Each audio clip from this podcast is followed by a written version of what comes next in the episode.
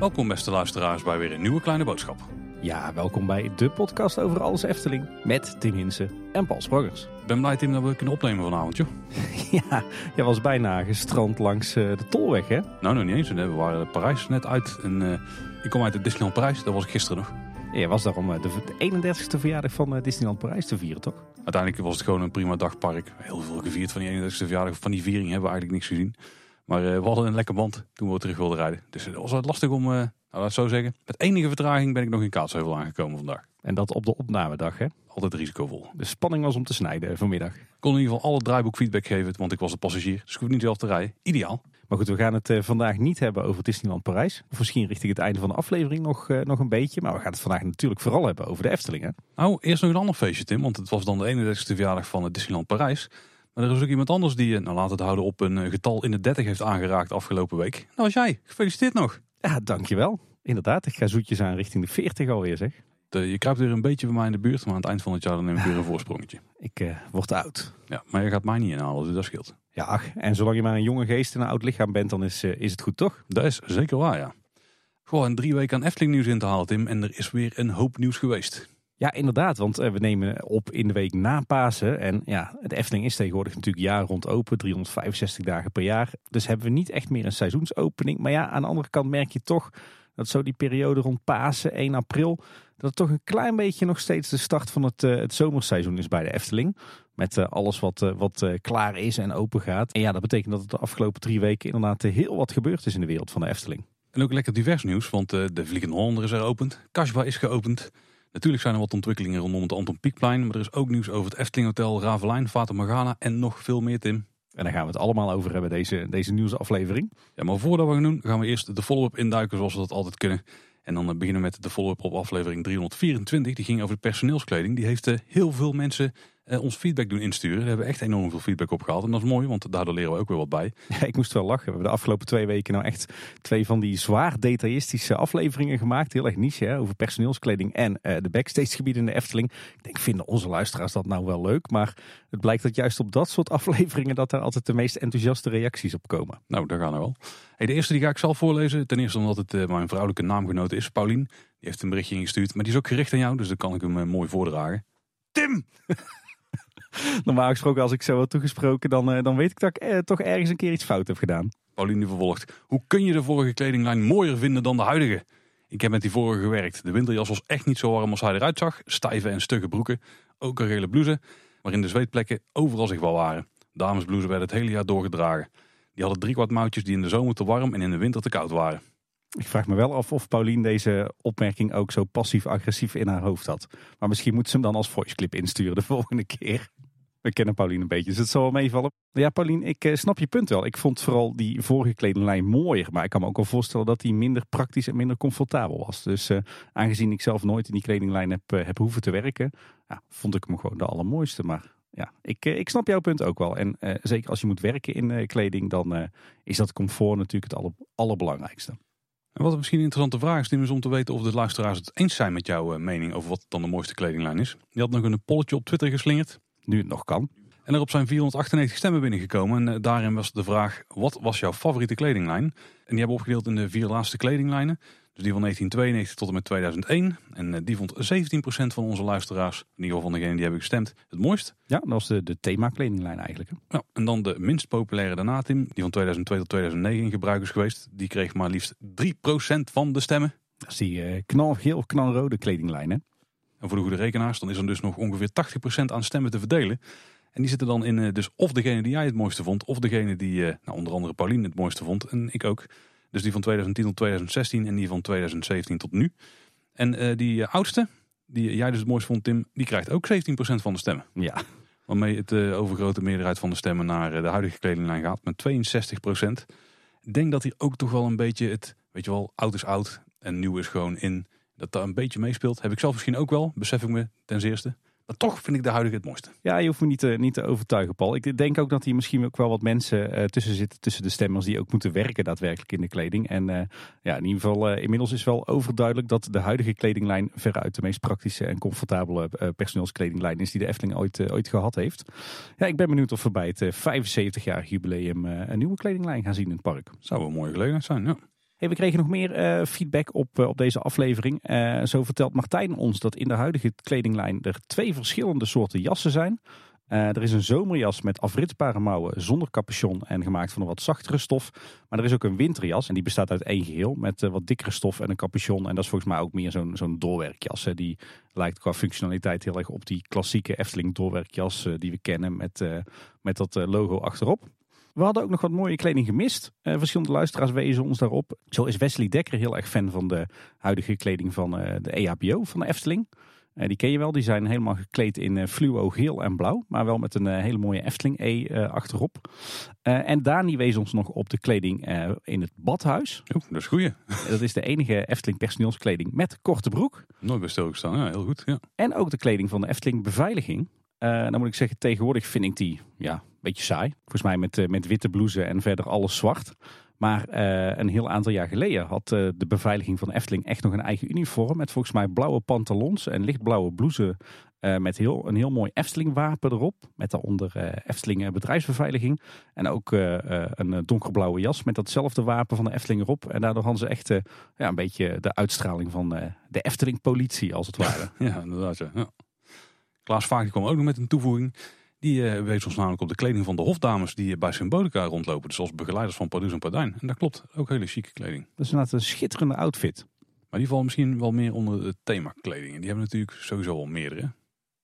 Dan ook nog wat volop op de vorige aflevering, aflevering 325, waarbij we kijken naar de gebieden achter de schermen bij de Efteling. Uh, er zijn een aantal toevoegingen die we nog moeten doen. En we hebben ook van heel, heel veel luisteraars, ook vooral van een hoop eh, bestaande medewerkers gekregen, dat er toch nog een paar belangrijke zaken zijn vergeten. Even weer de disclaimer, we hebben de echte kleine backstage gebiedjes waar een paar containers staan en misschien een tafeltje met twee stoelen, die hebben we niet meegenomen. Maar er toch wel wat interessante punten die we nog even toevoegen. Zo heeft station De Oost bijvoorbeeld op de eerste etage ook nog kantoren voor leidinggevenden. Ja, en de havenhuisjes uh, achter de halve maan die dienen als opslag. En op het lemterrein kregen we ook nog een toevoeging. Want de oude gebouwen die daar staan, die zijn nu in gebruik als kantine en magazijn voor de medewerkers van de buitenverkopen. En daar is ook de plek waar alle fietskarren staan. Ja, daarnaast heb je in de Efteling nog heel veel meer buitenverkopen natuurlijk met eh, koffie en ijsjes en, eh, en drinken en, eh, en dergelijke. en dat is een, grote afdeling die luistert tegenwoordig naar de naam Horeca Impuls. Die zien we ook al eens voorbij komen bij de vacatures. En die hebben nog twee andere plekken in de Efteling waar ze met z'n allen samenkomen en waar hun karren worden opgeslagen. Namelijk in het voormalige trefpunt, zeg maar de, de sociale werkplaats van de Efteling achter de Smulpaap. Uh, daar zit uh, tegenwoordig uh, een plek waar zij samenkomen. En er is ook een, een containerpark gebouwd achter station De Oost aan de Pietonweide. En daar staan ook wat, wat containers waar die club onder andere pauze houdt en dingen opslaat. En bij Bron 1898 er is dus een zitje bij de remsectie. Die is niet voor personeel, maar die is voor minder valide die daar met hun begeleiders wachten totdat ze het gebouw mogen betreden via de lift. En nog een toevoeging over het rangeerspoor bij de Vliegende Hollander. Die kun je namelijk, als je goed kijkt, zien. Die zit namelijk net voor de bocht voordat je de open zee op gaat. Nadat de poort open gaat aan de havenzender moet je even naar links kijken. En daar zit een roldeur en daarachter zit de remise van de boten. Jou was wel bekend in, maar dit werd ingestuurd door een luisteraar. Ja, ik mag daar niks over zeggen natuurlijk. Hey, we kregen ook een heel leuk bericht van luisteraar Nick Baten. Die heeft namelijk een goed alternatief gevonden voor Google Maps. Met uh, haarscherpe luchtfoto's van onder meer de Efteling. Uh, van de periode 2016 tot en met 2022. Die zijn volgens mij in de winter genomen. En uh, daardoor zit er geen blad aan de bomen. En kan je echt extreem gedetailleerd de Efteling zien vanuit de lucht. we zullen een linkje in de show notes zetten. Deze had ik eerder moeten weten, ja? En uh, Wart Stolk, natuurlijk ook een uh, bekende naam uh, onder onze luisteraars, die fabriceerde een mooi overzichtskaartje van alle locaties die we benoemd hebben in die aflevering. en dat zullen we binnenkort ook even delen via onze socials. En dan door naar het hoofdonderwerp, Tim. Het wordt eens een keer tijd. Dan beginnen we bij Dans Macabre, want daar gaan we de stand van zaken eens goed bekijken. Zoals we beginnen bij het hoofdgebouw. Ja, lijkt me goed. Er wordt uh, lekker veel gespeeld met beton, zullen we maar zeggen. De professionele betonklaaiers zijn er aan de gang. Zo zou je het kunnen noemen, ja. Uh, nou, de kelder is een heel eind klaar natuurlijk, de betonconstructie daar. Dus wordt er nu gewerkt aan de begane grondvloer. Um, en wat daarbij opvalt is dat een deel van die begane grondvloer eigenlijk over de kelder heen uitkraagt. Klinkt misschien een beetje ingewikkeld, maar uh, om probeer, gaat proberen uit te leggen. Eigenlijk is de kelder zeg maar, groter in doorsnee dan de begane grondvloer die er bovenop komt te liggen. Dus het gat waar straks het platform eh, doorheen steekt of inlicht, dat is smaller dan de kelder zelf. Dus de kelder heeft een plafond, maar er zit een gat in. En in dat gat, daar komt de draagschijf in. Zo zou je het ook kunnen zien inderdaad. En daarom zijn ze nu in de kelder een soort van ja, ondersteuningsconstructie aan het, eh, aan het zetten. Waardoor ze die betonvloer eigenlijk ja, in het luchtledige kunnen storten. Hè? Ja, maar die gaat dus nergens op gedragen worden. Er komen geen uh, paal of zo onder te staan lijkt nee, het. Nee, nee. Misschien uh, gaan we dat ook wel een beetje terugzien in het, in het decor. Hè? Ik kan me voorstellen als je in de kelder valt straks in de hoofdshow dat je ook vanuit de kelder omhoog kunt kijken naar de onderkant van de vloer van de abdij. Ja, of, of, zou dit het laagste niveau zijn waar de schijf in komt en dat er nog een niveau boven komt juist? Dat zou ook nog kunnen natuurlijk. Ja, dat zou ook nog kunnen, ja. Weet je dat de techniek dat dat best wel wat hoogte nodig heeft in, de, in het geel.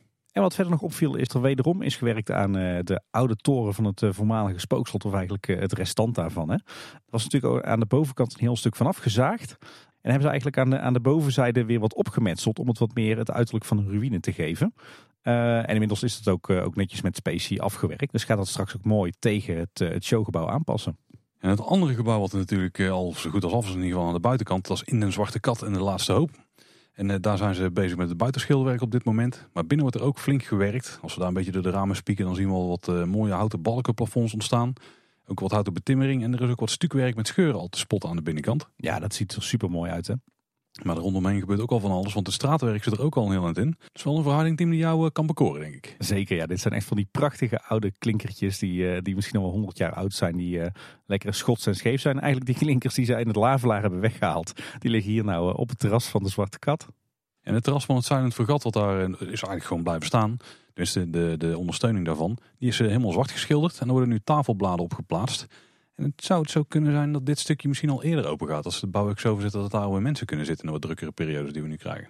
Maar ja, sowieso gaat dit gebouwtje tegen de zomer open. Hè? Ja, misschien dat ze dit terras zelfs eerder opengooien. Oh, dat de mensen ja. die bij de Unox kramertjes hebben gescoord daar kunnen zitten. Dat zou eigenlijk wel kunnen, ja. ja dit, dit gedeelte is natuurlijk echt al helemaal klaar. Ja, want ook daarnaast met die uh, het stuk waar die uh, coniferen en die poort komt te staan. Daar is de poort zelf al geplaatst. Die ziet er chic uit. Mooie vorm heeft die. Mooi, ja. Ook een piekblauw met planken erop en donkerbruin houten kolommen ernaast. En de groene aanplant daar is ook al een heel eind klaar. Tenminste, die, die is al ver gevorderd, laten we zo zeggen. Een hoop coniferen. Die zijn natuurlijk meteen groen en die blijven altijd groen. Dus daarmee scherm je het backstage gebiedje wat daar zit af. Ja, en het lijkt er ook op dat, uh, dat de bouwschutting binnenkort een stuk wordt opgeschoven. Hè? Want in een aantal van die plantsoentjes zijn ook al uh, houten staanders geplaatst. Waar ze volgens mij straks uh, weer zo'n houten schutting, schutting opschroeven. Maar gewoon een vaste houten schutting dan? Of echt een bouw? Nee, ik denk, ik denk de bouwschutting. Ah, oké. Okay. Dus het, nou, het gaat er hard. En dit gebouwtje, ja, het ziet er iedere dag eigenlijk toffer uit. Het is om door een Eftelings ringetje te halen. Ik ben vooral heel benieuwd naar de binnenkant straks. Kan ook alleen maar slagen als ik zie wat we, wat we nu al kunnen zien van de materialisering. Ja, zeker. Nou, dan iets waar we het vorige keer uitgebreid over gehad hebben, Tim. Het hele NFT-verhaal, maar dan met name het, uh, dus wat we het nu over willen hebben, is het 3D-model wat daarbij uh, hoorde. Want uiteindelijk was het natuurlijk het idee dat de NFT jou toegang gaf tot het spookslot in uh, virtual reality in de metaverse. In de metaverse, ja. zeg het maar gewoon. Ja, jij durft het gewoon met droge ogen te zeggen. En um, het hele feit is natuurlijk dat daar dus voor een mooie 3D-omgeving is gemaakt. Heel veel zorging gestopt door die club. Mooie textures erop, hè, dat het ook allemaal eruit ziet zoals het spookslot eruit zag. En ja, die is gelekt. Kijk, de NFT is een soort van toegangsticket. Maar als je naast de toegangspoortjes gewoon een andere poort hebt die wagenwijd open staat, ja, dan kunnen andere mensen ook gewoon bij het 3D-model. je zou bijna zeggen, dit moest toch gebeuren. Ik, ik zag dit voorbij komen en het eerste wat ik dacht is, uh, karma is een bitch. Ja, kijk, het is natuurlijk wel zo dat uh, de, door de omgeving heen lopen en het hele stuk wat daarvoor is gebouwd, echt specifiek voor de Efteling-medewerkers, of in ieder geval degene die een NFT hebben, dat is natuurlijk iets wat je dus niet met het 3D-model aan zich kunt ervaren. Je kunt het in principe wel helemaal namaken dat je daar doorheen kunt bijvoorbeeld. Maar uh, echt de manier zoals de Efteling het heeft bedoeld, die kun je dus niet uh, ervaren.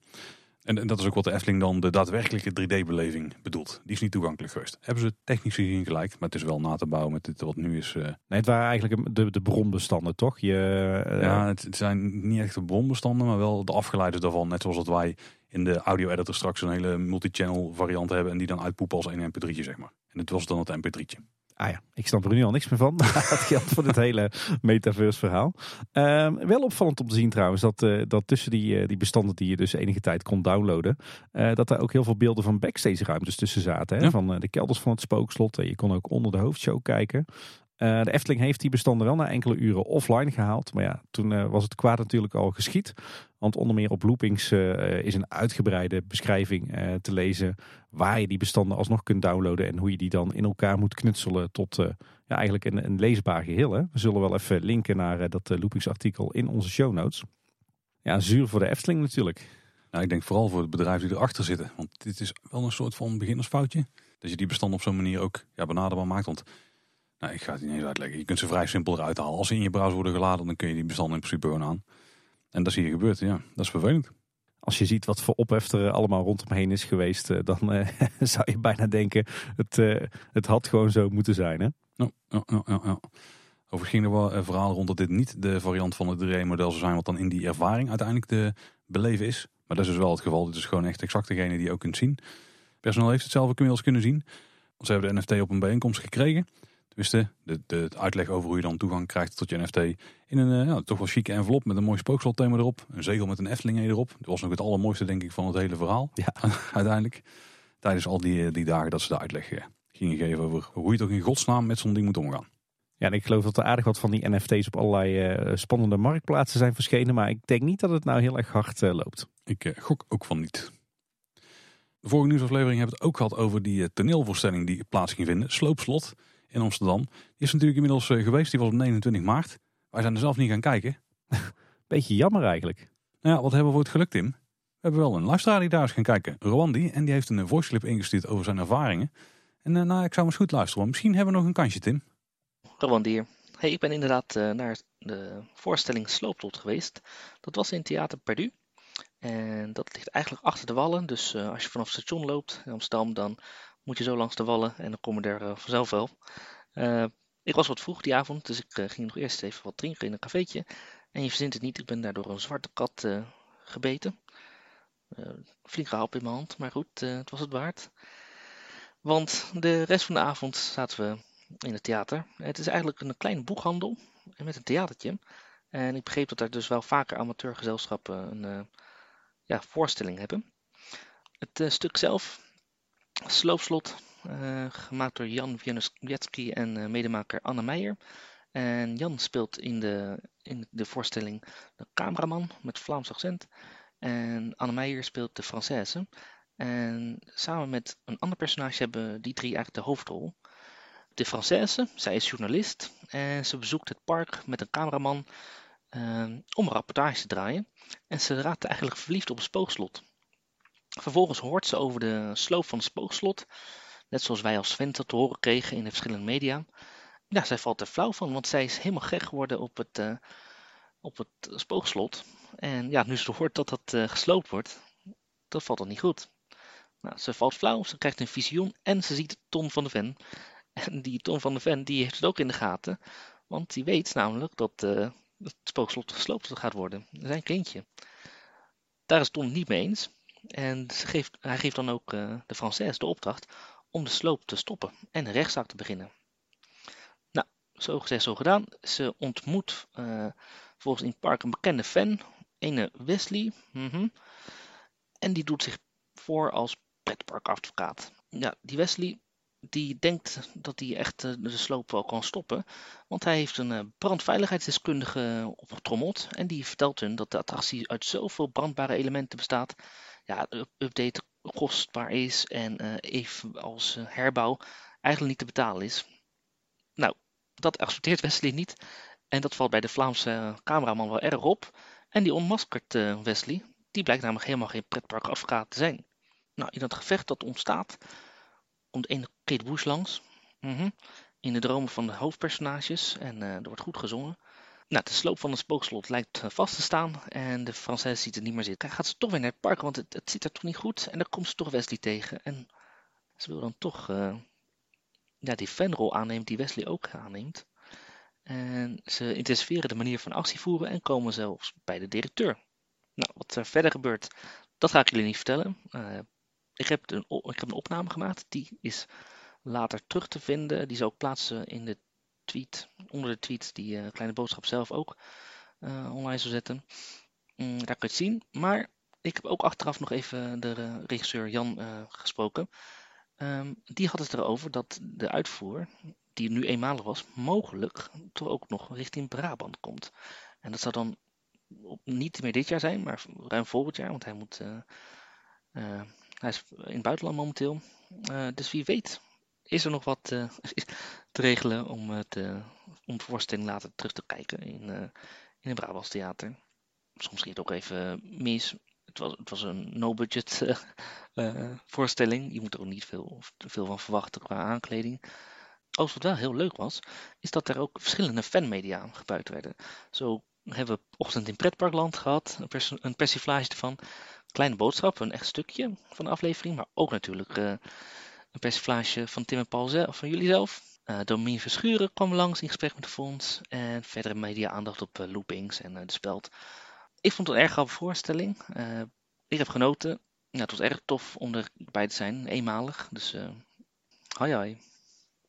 Ja, super bedankt voor je uitgebreide verslag, Ruwendi. Ja, het was voor mij toch wel een, eh, een verrassing dat we als kleine boodschap ook zo prominent in die toneelvoorstelling zaten. Had ik eigenlijk van tevoren wel willen weten. Dan waren we natuurlijk gaan kijken. En als goed is volgt er ook nog een videoregistratie. Dus kunnen we ook nog checken hoe die show nou precies verliep. En hoe we werden vertolkt. Ik eh, ben heel benieuwd. Ja. Wil eens even gaan kijken naar het Efteling Grand Hotel. Want daar is iets gebeurd. Nou ja, daar is vooral verrassend weinig gebeurd Ja, eigenlijk. hè? Ja, We hebben natuurlijk onze eigen bioreconstruct in eh, de vorm van Nick Ringelberg. En die vliegt regelmatig langs de, de Efteling. En dan eh, laat hij wat shotjes zien van wat er allemaal gebeurt in het park. En bij het Efteling Grand Hotel is het verrekkers rustig. Met name aan de noordzijde van het project. Want de begane grondvloer die is gestort. Ja, die is gewoon al klaar. Aan de kant richting de Vondelplas en eh, ja, eigenlijk de deel waar je dadelijk straks doorheen loopt. Aan de noordkant zijn ze klaar voor de stort. Ja, je zou denken, zouden ze niet verder kunnen gaan aan de zuidkant van het, eh, het project? ja de vorige keer zei ik al van ja, misschien gebeurt er even niks omdat het beton moet uitharden. Beton heeft meestal 28 dagen nodig voor het zijn eindsterkte heeft. Eh, maar inmiddels zijn we alweer een paar weken verder. En ja, ik vind het echt verdacht stil op de bouwplaats. Ik kan me, me niet voorstellen dat, het, eh, dat de bouw nog steeds stil ligt vanwege dat uitharden. Kijk, als je efficiënt wil bouwen, dan moet je eigenlijk een soort treintje maken hè, waarbij die bouw nooit stil ligt. Hè. Ze hebben mij ooit verteld toen ik nog bij de aannemer werkte van iedere minuut dat een kraan stilstaat kost geld. Dus je moet zorgen dat die bouw eh, in beweging blijft. Maar inmiddels ligt de bouw van Efteling Grand Hotel toch al meerdere weken zo goed als stil. Dus ik, ja, ik ben echt benieuwd wat hier aan de hand is. Ik kan me niet voorstellen dat dit eh, een bewuste keuze is om zo'n gat te laten vallen in de planning. Ja, en de kraan die staat er wel nog steeds. Dus ze kunnen hem gewoon gebruiken. Maar ik weet niet hoe het zit met, met die belasting van de, de vloer of zo. Wat zou je dan nu kunnen doen als die, stel die vloer die moet in zijn geheel droog of zo? Of kun je dan wel op één deel gaan bouwen? en Nee, je kan eigenlijk na een paar dagen kan je al op een betonvloer verder gaan. En met, eh, met weer wapening zetten, eh, kies- eh, bekisting zetten voor de volgende betonvloer. Je kan er niet hele verdiepingen bovenop zetten meteen al. Dat kan dan inderdaad na 28 dagen. Maar je kan na een paar dagen kan je alweer op zo'n vers gestorte betonvloer Ah, verder. Maar waar zou het dan aan kunnen liggen, denk je? Ja, iets in het, eh, in het proces moet vertragen of mo- moet stil liggen. En wat het dan is, ja, daar hebben we natuurlijk geen, geen idee van. Dat kan van alles zijn. Hè. Het kan zijn dat bepaalde zaken nog niet, eh, nog niet voldoende zijn uitgewerkt in het technisch ontwerp. Het kan zijn dat er nog berekeningen moeten worden gemaakt eh, die nog niet zijn, zijn uitgevoerd of zijn goedgekeurd. Misschien wachten ze nog op een, op een vergunning. Eh, misschien wordt er materiaal niet geleverd. Misschien eh, zijn er financiële problemen. Nou ja, we weten dat het, eh, het, het project een stuk duurder is, maar dat dat geen probleem is voor de Efteling. Dat ze dat extra geld er gewoon voor uittrekken. Misschien moet de Raad van Commissarissen nog, nog goedkeuring verlenen. Eh, maar er zal iets in het bouwproces zijn wat stokt. Want ja, wat ik al zei, ik kan me echt niet voorstellen dat het een bewuste keuze is om zo'n enorm bouwproject zo'n lange tijd zo ja, nagenoeg stil te leggen. Dat, dat, eh, dat is gewoon echt niet logisch. Je moet zorgen dat die bouw aan de gang blijft, dat die kraan blijft draaien, dat de mensen die, de, die op de bouwplaats rondlopen, dat die wat te doen hebben. Want ja, dit kost natuurlijk hartstikke veel geld. Moet je eens nagaan hoeveel mensen dat nu stilstaan die eigenlijk op dit project eh, staan. Ja, dat is bijzonder. Nou ja, eh, even afwachten. Hè. Hopelijk eh, gaat binnenkort de bouw weer eh, in volle vaart eh, van start. En gaan we echt verticaal. Dat zou eh, heel tof zijn, hè? want dan gaan we echt die, die vorm zien verschijnen van dat hotel. En dan kunnen we echt gaan inschatten hoeveel impact het nou gaat hebben op de omgeving. Ja. Ik eh, kijk er echt naar uit. En misschien ook nog interessant, Tim. Er was een YouTube-video uitgekomen over de heropening van het Anton Pieckplein. Daar gaan we het daar nog even over hebben. En eh, onze redactie die zag daar eh, op het bureau van Sander de Bruin een boek liggen over de sprookjes van Niels Holgersson. En het was een, een versie die was geïllustreerd door Anton Pieck. Waarom zou die daar hebben gelegen? Ja, er zijn denk ik drie opties. Optie 1 is dus gewoon stom toeval. Sander vindt het gewoon leuk om sprookjesboeken eh, te lezen. Zeker als die zijn geïllustreerd door Anton Pieck. Kan ik me levendig voorstellen. Ja, dat kan ik me ook voorstellen, ja. Het, het kan zijn voor een alternatief plan voor Strookrijk in plaats van Grand Circus Balancé. Oeh, ja, ja. Maar wat natuurlijk ook zou kunnen, is dat we Niels Holgersson, eh, of misschien de illustraties van Anton Pieck in dat boek, gaan terugzien in het Efteling Grand Hotel en misschien wel in de inrichting. Want Niels Holgersson is natuurlijk een verhaal dat zich afspeelt in Scandinavië. En het Efteling Grand Hotel is geïnspireerd op eh, Scandinavische architectuur. Ik eh, vind die derde optie misschien nog wel de meest plausibele. Ja, We moeten dat boek eigenlijk eh, te pakken zien te krijgen. dan moeten we even naar Sanders een bureau sneaken. Daar ligt er een. Al zou ik niet weten hoe we daar terecht komen. Nee, inderdaad. Ik werk ook boven een biep, dus daar, daar zou ik natuurlijk ook even kunnen gaan kijken. Zouden ze er hebben? Ik, eh, ik ga het van de week eens proberen. Dat is een goeie. Dat is ja, een goeie. ja, ja, ja. Nou, ik zou het wel tof vinden hoor, als we eh, dit soort Scandinavische sprookjes en verhalen zouden gaan terugzien in het Efteling Grand Hotel. Nou, zeker als er een uh, is. Maar ik denk dat je er interieurtechnisch ook best wel toffe dingen mee kunt. Ja. Ja, nou oké, oké, niet te ver op door filosoferen. Wie weet zit er helemaal naast en dan maken we onszelf wel lekker met niks. Tim, als we het over lekker maken hebben. Ik weet niet of mijn bruggetje helemaal correct was. Maar er is een nieuw restaurant of een vernieuwd restaurant geopend in de Efteling. Kaswa is geopend op 1 april. Jazeker, dat was wel de soft opening. Want vanaf 1 april kon je er wat gaan eten en drinken. Eh, er is de afgelopen twee weken wel nog hard doorgewerkt aan zowel de inrichting als de buitenkant van het restaurant. En eh, vandaag op de dag van opname, 13 april, vond uiteindelijk eh, in de late middag de officiële opening plaats. Door een hele delegatie van de Efteling-directie en Laplace en Vermaat. Daar waren we overigens zelf niet bij. Maar hebben we al wel allebei een kijkje genomen in Kasbah. Eh, ja, volgens mij zelfs op 1 april. Ik was er vroeg bij.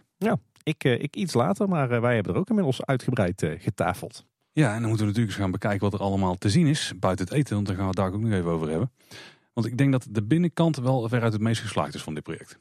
Zeker, ja. ja. Die heeft het, die heeft het uiteindelijk niet teleurgesteld. Want de plekken waar het gebouw binnen gaat, daar hebben ze van die houten poortgebouwtjes gemaakt. Hè. En daarna kom je in een soort portaaltje met een hoop stukwerk en nisjes. Zijn ook uh, veel te zakken en tonnen en zo eh, geplaatst. Het is natuurlijk gewoon het handelswaar van Simbad. Hè. Daar wordt al het eten uitgehaald wat we daarna gaan, eh, gaan opeten. ja. Mooie link eh, met, eh, met Sirocco eigenlijk. Hè? Ja, zeker. Daarna lopen we door en dan komen de centrale hal die al eh, decennia daar natuurlijk eh, zit. Hè, waar je dus links met de trap naar boven zou kunnen naar de toiletten en naar eh, de zalen al daar. Ik denk dat dit ook wel het meest geslaagde element van eh, het hele gebouw is. Dit is voor mij echt het, eh, het pareltje van Kasbah, ja. Zeker. Die, eh, die ruimte is ook echt onherkenbaar veranderd. Waar ze misschien nog wel de minste moeite hebben gedaan aan alles wat er boven zich bevindt. Want dat is met name geschilderd. Maar over die relingen die daar eh, zijn en over die hekken die daar staan, hebben ze een hoop tapijten en zo gehangen. En er zijn allemaal doeken neergelegd. Waardoor het best wel fraai afkleedt. Maar verder hebben ze boven denk ik nog niet zo heel veel gedaan. Je kunt ook nog niet naar de toiletten daar. Ah. Nee, nee ik, denk, ik denk eerlijk gezegd dat Laplace gewoon de eerste verdieping niet in gebruik heeft. Dus dat we daar de komende jaren ook niet meer terecht kunnen. Maar alles wat daaronder gebeurt is wel echt met veel zorg aangepakt. Want alles als echt in Oosterse kleur uitgevoerd. En eh, hier vinden we een paar hele toffe details. Hè? Want we hebben daar eh, onder andere een fontein staan. Ja, echt een fantastisch element naar een ontwerp van Sander de Bruin. Echt, eh, ja, geeft een beetje toch dat Fata Morgana plein gevoel. Hè? Met heel veel toffe details en een daadwerkelijk werkend fonteintje. Nou ja, er komt geen dikke straal water uit of zo. Maar het is een fonteintje met mooie glazuurde tegeltjes en zo ook. Met mooie kleuren, mooie patroontjes. Ligt echt heel vet. Zit ook een, een handkar met eh, manden en zakken. Ook weer, weer eh, referentie naar het handelswaar, denk ik. Er is ook Oosterse beplanting te vinden. En nogmaals een hoop eh, tapijten. Maar als je dan die hal inloopt en je draait je om en je kijkt naar boven... dan vindt, bevindt zich daar ook een heel tof detail. Er zit namelijk een soort eh, ramen met daarop een balkonnetje. De Beo's. Ja, Tim, heb jij er ooit van gehoord? Ik had er wel eens van gehoord, ja. Oh, maar nou, ik dan- kom natuurlijk geregeld in dierentuinen en dan zie je ze wel eens. Oh, dat is wel een goed punt, ja. Nou, vertel ons eens over de Beo, Tim. Wat is een Beo? Nou ja, dat is op zich wel interessant. Eh, een beo is eigenlijk een bosvogel uit eh, Zuidoost-Azië en Indonesië. Dus dat is eh, zeg maar Uit de richting. een beetje uit de richting van de Arabische wereld. Alhoewel Indonesië is natuurlijk wel een, een islamitisch land. Maar goed, die komen dus meer uit de, de Zuidoosthoek. Die heeft hij misschien op zijn reizen opgedaan.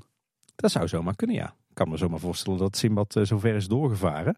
En eh, volgens eh, Sander de Bruin, tenminste dat vertelde hij op Instagram, zijn dit de vriendjes van Simbad. En ze praten ook, hè. Af en toe dan zeggen ze een paar woordjes, maar ik heb nog niet echt kunnen verstaan wat ze nou zeggen. Ik ook nog niet. Maar er gaat vast een luisteraar zijn die hier een ochtend gaat luisteren en op gaat schrijven wat, wat er precies gezegd wordt. Maar nee, dit is echt een, een prachtig plekje. Het, het voelt wat mij betreft best Eftelings. Aardig wat referenties met Vaart om Ghana. En het deed me ook een klein beetje denken aan eh, de Tweede Wereld in het Spoorwegmuseum. Die volgens mij ook door eh, Jora Vision eh, vormgegeven is. Daar had het ook wel wat van weg. En misschien is hier ook wel meteen een van de grootste veranderingen, Tim. Want wat je natuurlijk voorheen had, is als je in die hal stond, dan kon je rechtdoor. En dan kwam je dus uit in het, eh, in het self-service gedeelte. En dan kon je rechtsaf en dan kon je het à la gedeelte plaatsnemen. Maar die scheiding is er niet echt meer. Het is wel nog steeds als je rechtdoor gaat dat je dan in het free flow gedeelte komt. Hè, waar je dus verschillende gerechten kunt afhalen en uiteindelijk kunt afrekenen bij kassas die ongeveer op dezelfde plek zitten. Alleen het hele restaurantgedeelte is echt gewoon Ja, anders is gewoon zitruimte nu voor het centrale gedeelte. Die, die keuken die daar zat in het midden, die is ook gewoon helemaal opengehaald. Dat is nu ook een deel waar je kunt zitten. Dat is wel echt eh, voor de indeling van het gebouw een flinke verandering.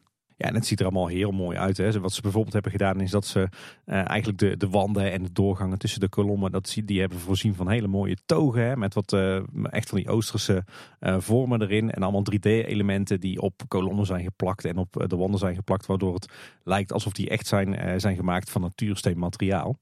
En verder is binnen eigenlijk alles in, in Oosters thema uitgevoerd. Hè. De, de, nieuwe wandtegeltjes, ik heb wat mozaïek gezien, uh, stukwerk, decoratief schilderwerk. Het, het, ademt allemaal die sfeer van het Orientalisme. En dat is eigenlijk doorgevoerd in alle details. Kijk naar de bebording, kijk naar alle verschillende verlichtingsarmaturen die, die in het restaurant hangen. ook de aankleding van de buffetten. Ja, echt met, met ook voor detail gedaan. Er staat ook heel veel decoratie in. Hè. Allerlei potten en pannen en kannen.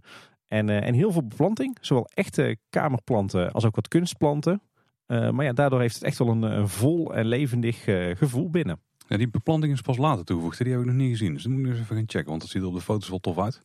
het systeemplafond is grotendeels weg. Volgens mij in de centrale hal zie je er nog wel. Um, alles is in ieder geval aan de plafondzijde helemaal donker gesausd. Dus er valt een stuk meer weg.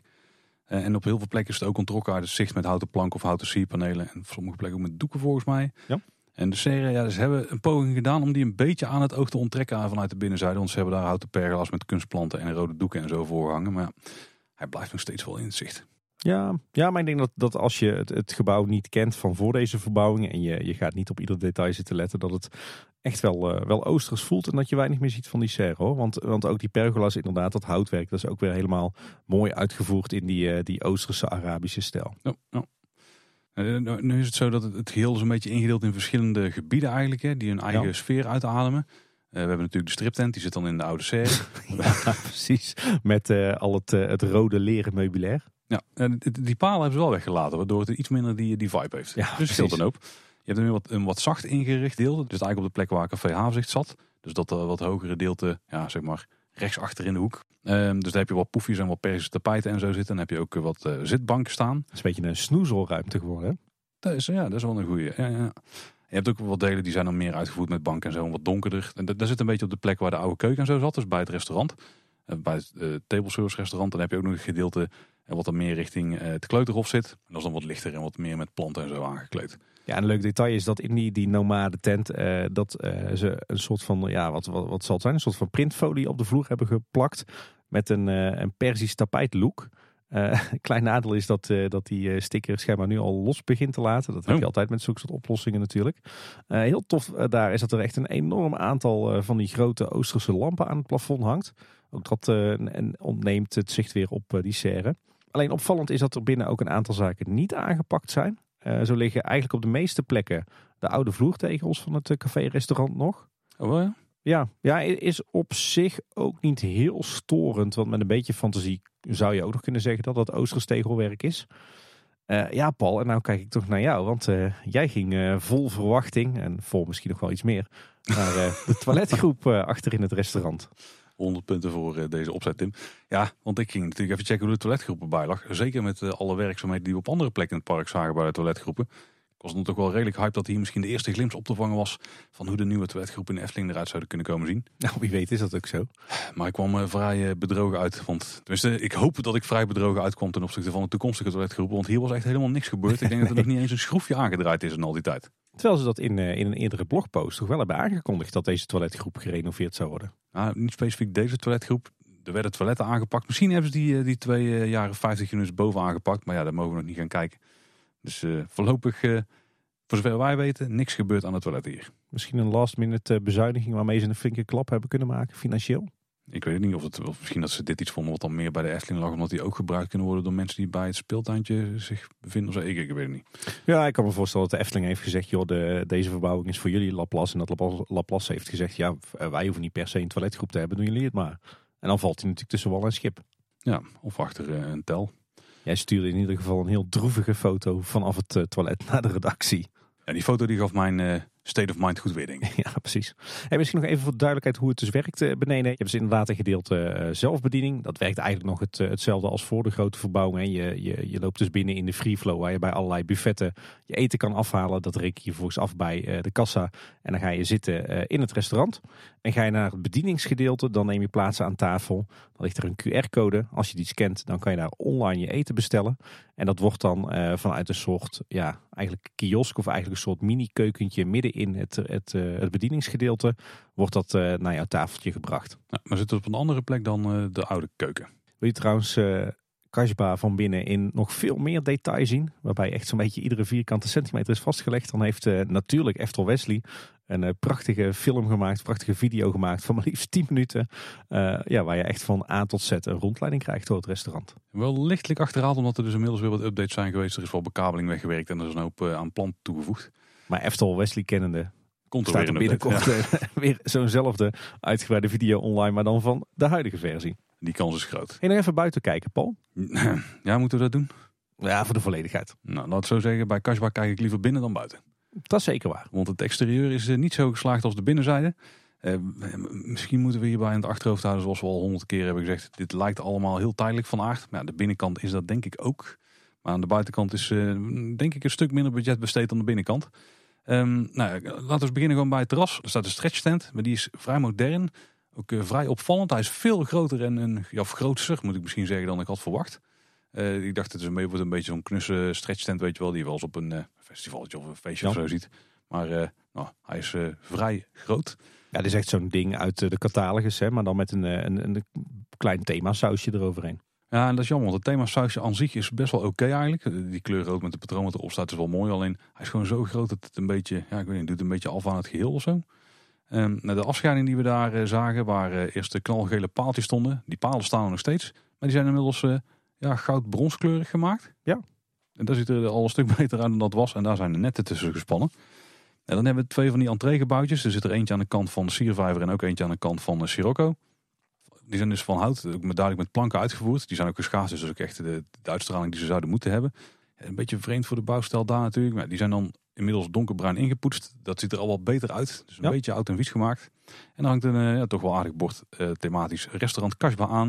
In dezelfde stijl als de rest van de bebording in de wereld van Simbad. Het bord aan zich is wel oké. en ze lijken nu ook nog wel wat verf ehm, details aan de toe te voegen zijn. Dus de binnenkant van die ramen zo, die worden nog extra eh, in de lak gezet met een ander kleurtje.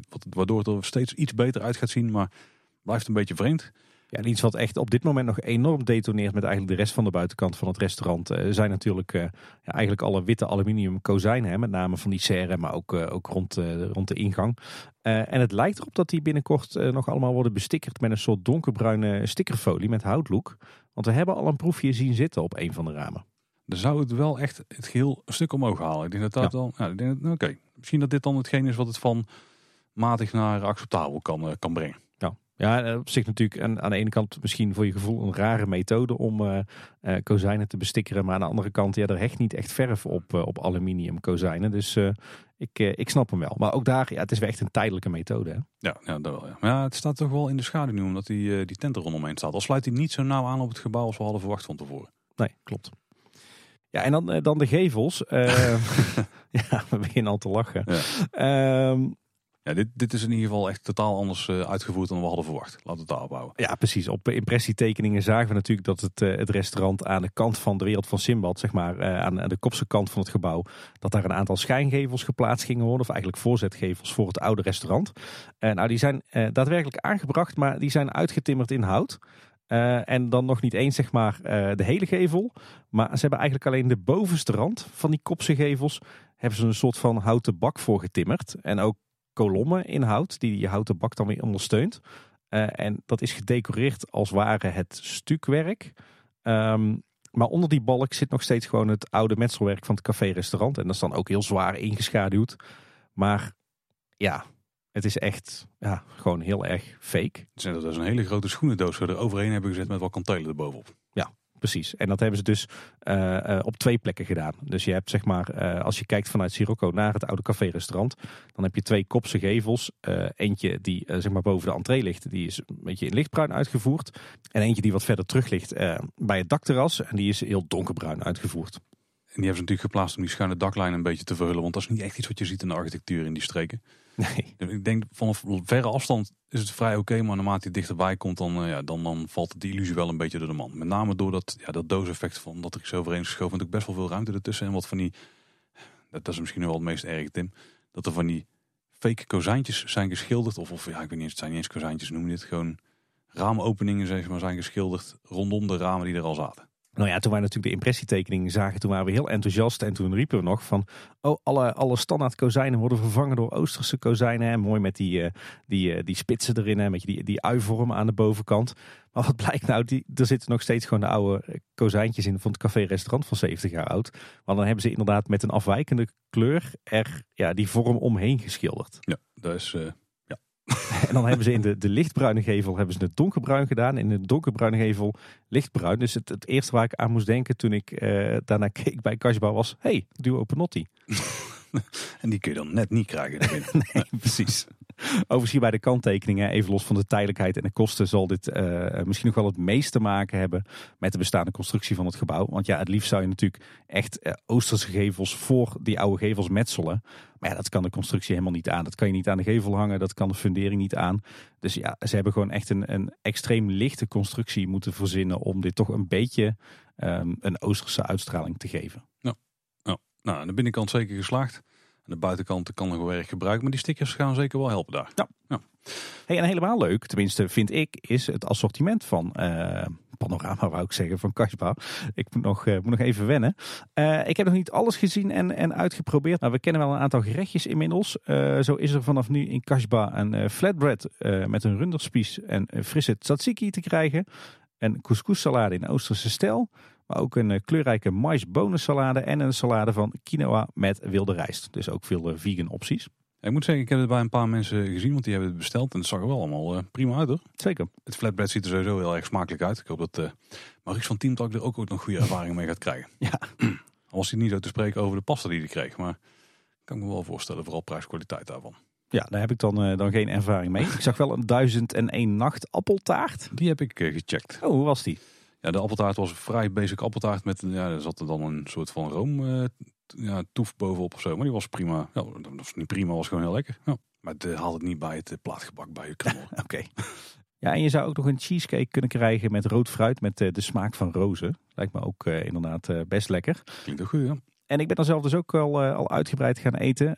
ik had zelf echt een heerlijke linzensoep. Echt super goed, goed op smaak en ook duidelijk echt ter plekke gemaakt. Dus niet, niet uit een zak of uit een blik. Anne had een lekkere gemengde salade, want saladebuffet met, met een aantal Oosterse elementen en ook inderdaad een, een flatbread. En ik had zelf nog een pita met hummus en falafel. En er zat nog wat, wat knoflooksaus overheen en rucola en een paar cherry tomaatjes. Die was ook erg smakelijk, moet ik zeggen. Ik heb die dus ook gezien bij wat mensen, dat je ook weer zo'n flatbread kreeg met daarbij dus die gemengde sla, die kan je er zelf opscheppen. Dan kun je zelf ja, in een bakje alles ja, bij elkaar ja, stoppen. Dat zag er ook al heel erg goed uit. Die ga ik ook wel eens een keer checken, denk ik. Ja, en wat ook nog nieuw is, die heb ik zelf nog niet uitgeprobeerd, maar goed, uh, het jaar is nog lang. Is op het terras onder die nomadentent uh, kan je vanaf nu twee verschillende borrelplanken bestellen. Dat klinkt op zichzelf wel goed. Er is een zoete koffieplank voor twee personen met baklava, florentines en twee stukjes kruidige brownie. Nou, baklava, daar, uh, Sowieso daar kan je s'nachts voor wakker maken. En er is ook een magische borrelplank. Ik ben benieuwd wat daar magisch aan is. Maar er zit onder andere een linzensoepje, falafel, flatbread en verschillende dips bij. Ik moet zeggen, Tim, ik heb het nu mogen ervaren. En de binnenkant is er echt van opgeknapt. Het is, de, ja, nou, ik ben er niet geweest in de jaren 50, 60. Maar voor zover ik weet is dit het beste interieur wat het restaurant ooit heeft gehad. Mm -hmm. Het zal ook veruit de mooiste Laplace van de wereld zijn. Want het zit voornamelijk hier in de regio natuurlijk. De buitenkant heeft echt nog wel uh, wat, wat zwakke punten. Bij Laplace is het zo, zeker in verhouding met de rest van de Efteling, het eten is gewoon aan de prijs. Uh, maar het gros van het assortiment is het ook wel, zeg maar, de kwaliteit ligt er wel mee in verhouding. Ja. ja, misschien, misschien de prijs. Ik schrik wel iedere keer als ik dan het bonnetje zie hoor. Alleen, ja, heb ik ook. Als je gewoon kijkt naar de diversiteit van, uh, van wat je op je bord uh, krijgt, is er wel oké. Okay, de portiegrootte misschien ook dan weer niet helemaal. Nou, nou oké, okay. het, is, het is wel duur. Maar de, de kwaliteit is ook wat hoger dan uh, wat je op heel veel andere plekken in de Efteling kunt krijgen. Absoluut. Ik denk dat dit misschien wel de plek is nu in de Efteling waar je het, het allerbeste eten kan krijgen. Oeh, we hebben Polskeuken ook nog. En we hebben ook natuurlijk het Wapen van Ravelijn. Ja, kijk, ik heb een zwak voor Polskeuken. En daar gaat zo'n zo'n externe formule natuurlijk niet van winnen. Als je gewoon puur rationeel kijkt, of onbevooroordeeld kijkt, ja, als je echt, echt keuze wilt, je wilt verse producten, smaakvolle producten, toch is wat anders dan typisch pretparkvoer. Ja, dan moet je nu toch in Kasbah zijn eigenlijk. Ja, diversiteit is wel echt een heel groot voordeel, denk ik, van het assortiment daar. Ja, en het is inderdaad stervensduur, maar ja, dat geldt natuurlijk voor iedere Laplace. En ja, ik denk dat dat vooral een van de nadelen is die eraan kleeft dat je in je park een externe formule binnenhaalt. Ja, ja zeker. Als die, zeker als die formule gewoon een stuk duurder is dan wat je zelf aanbiedt. Ja, nou dat, maar er staat ook ander personeel, andere huisstijl, andere standaarden. Nou, zeker waar. Maar in het algemeen uh, ben ik eigenlijk best wel blij met hoe dit heeft uitgepakt. En zeker omdat ik altijd in mijn achterhoofd ergens heb van, ja, dit is tijdelijk. Maar ondanks dat is het ook gewoon, het interieur is er echt wel van opgeknapt. Het is misschien niet 100% Eftelings, maar het ademt wel echt de sfeer uit die ze uit willen stralen daar in, in het gebied. En uh, nou, dat assortiment is ook wel top. Er zijn nog wel wat dingen te ontdekken. Ja, ik moet dus zeggen, ik ben, ik ben ook aangenaam verrast door het interieur. Echt gewoon van een thematisering van een hoog kwaliteitsniveau. Echt overal is goed naar gekeken. Uh, ik hoorde wat mensen die zeiden van ja, dit is heel generiek, dit is niet per se Eftelings. Maar ja, ik vind dat er toch echt wel wat Eftelingse elementen in zitten. Zeker uh, het, de, de, de hoofdhal en het entreeportaal ja. en, uh, en dergelijke. Maar goed, om nou te zeggen dat het niet Eftelings is, nou dat vind ik ook heel, heel erg ver gaan. Ik vind dat Eurovision er eigenlijk best wel goed in is geslaagd om iets, een, een Eftelingse Oosterse restaurantinrichting neer te zetten. Ik, ja, ik ben aangenaam verrast door het, door het meeste wat van binnen te zien is. Uh, zeker als je bedenkt dat het natuurlijk uiteindelijk gewoon een, een tijdelijke overlay is van je restaurant. Wat dat betreft is het wel veruit de meest geslaagde uh, uh, restyle van het café-restaurant natuurlijk. Ja, zonder twijfel. Nee, echt, echt heel sfeervol en, en echt met oog voor detail uitgevoerd. Met, met mooie materialen. Echt super gedaan. Heel knap.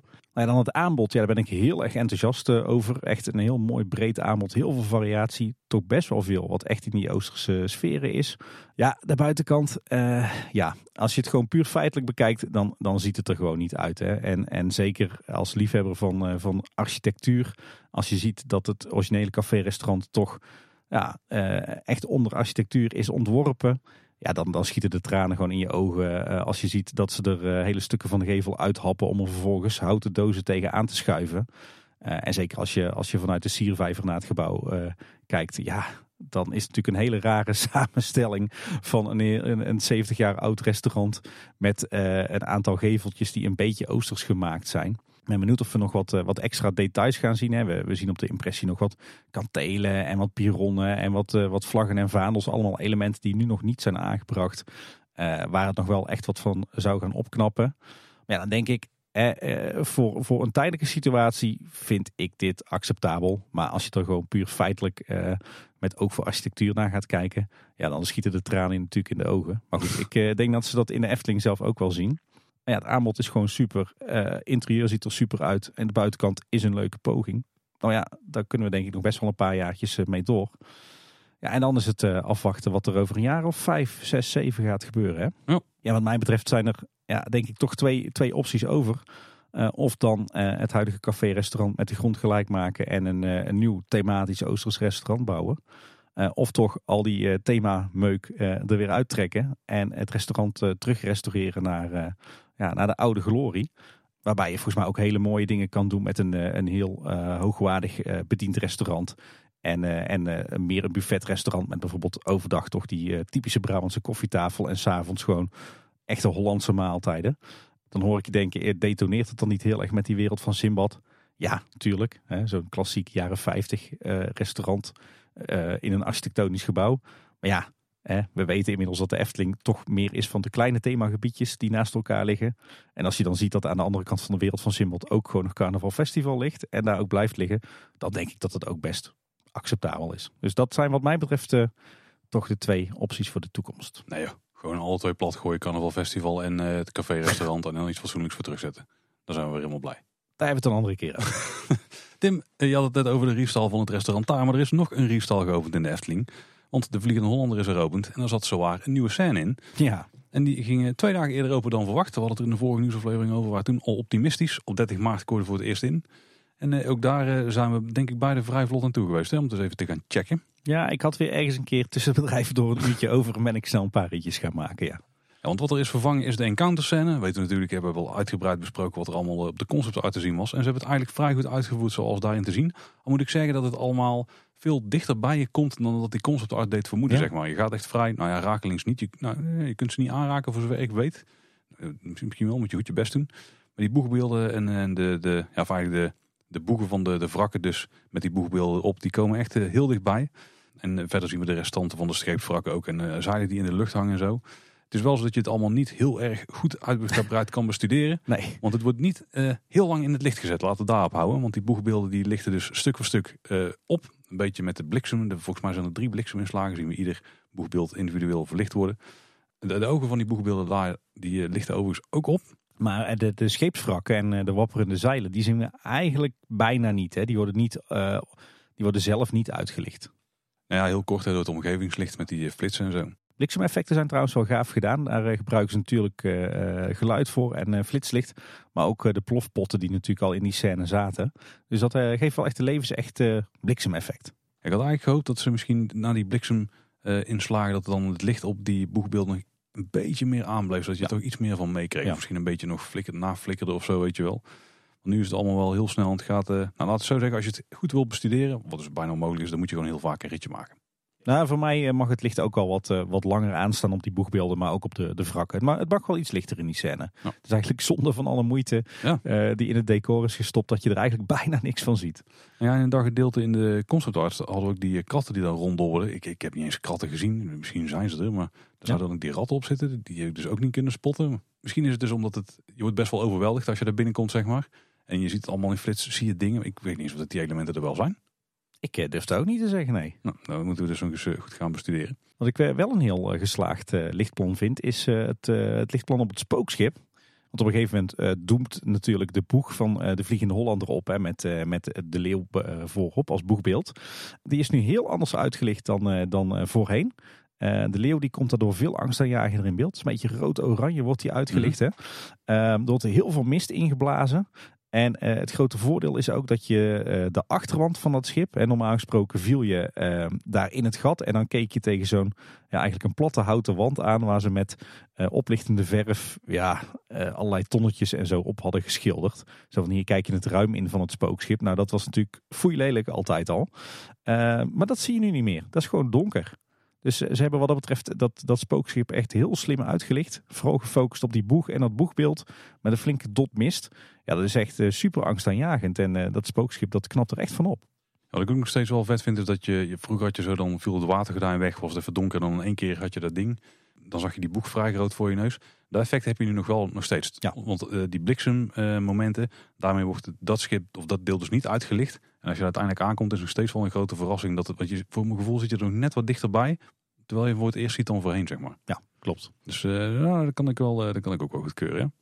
Uh, overigens regent het in de scène nergens meer. Je hebt natuurlijk wel de plofpotten waardoor je een beetje nat kunt worden, zeg maar. Maar die, die grote waterdruppels en daardoor is ook het geluid van al het klaterende water, zeg maar. daar heb je dan dus niet meer. En waardoor het geluid dus blijkbaar beter omhoog komt. Ja, daar geloof ik achter elkaar. Ja, ik vond het wel verrassend. We wisten natuurlijk dat het watergordijn waarop geprojecteerd werd zou verdwijnen. Maar blijkbaar zijn dus alle watereffecten, alle regeneffecten uit de scène gesloopt.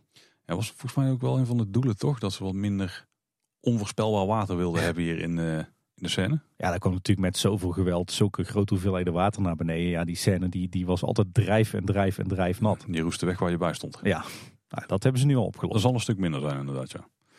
En dan de lifthill zelf, ja, er is in het algemeen niet zo heel veel aan gebeurd. Er lijkt wel wat meer rook uh, ja, langs het plafond of zo gepompt te worden. Ja. Ik kon niet helemaal uitvogelen hoe dat nou werkt of wat precies het idee erachter was. Misschien is het wel hetzelfde effect wat er al zat in. Want vroeger had je natuurlijk uh, van die rook dat wel meer naar beneden viel. En daar werd dan die projectie op gedaan van die, die stuurman. Uh, van Willem dan neem ik aan. Dat stukje is er nog niet. Ik weet niet of het terugkomt. Ja, ik heb wel ergens opgevangen dat, uh, dat dit, dit effect ook hersteld zou worden. Nou, misschien is het trouwens gewoon zodat het niet meer naar beneden wordt geblazen. Waardoor je die projectie niet ziet. Want er wordt wel iets van licht in je gezicht geschenen op dat moment. Ja, zou kunnen.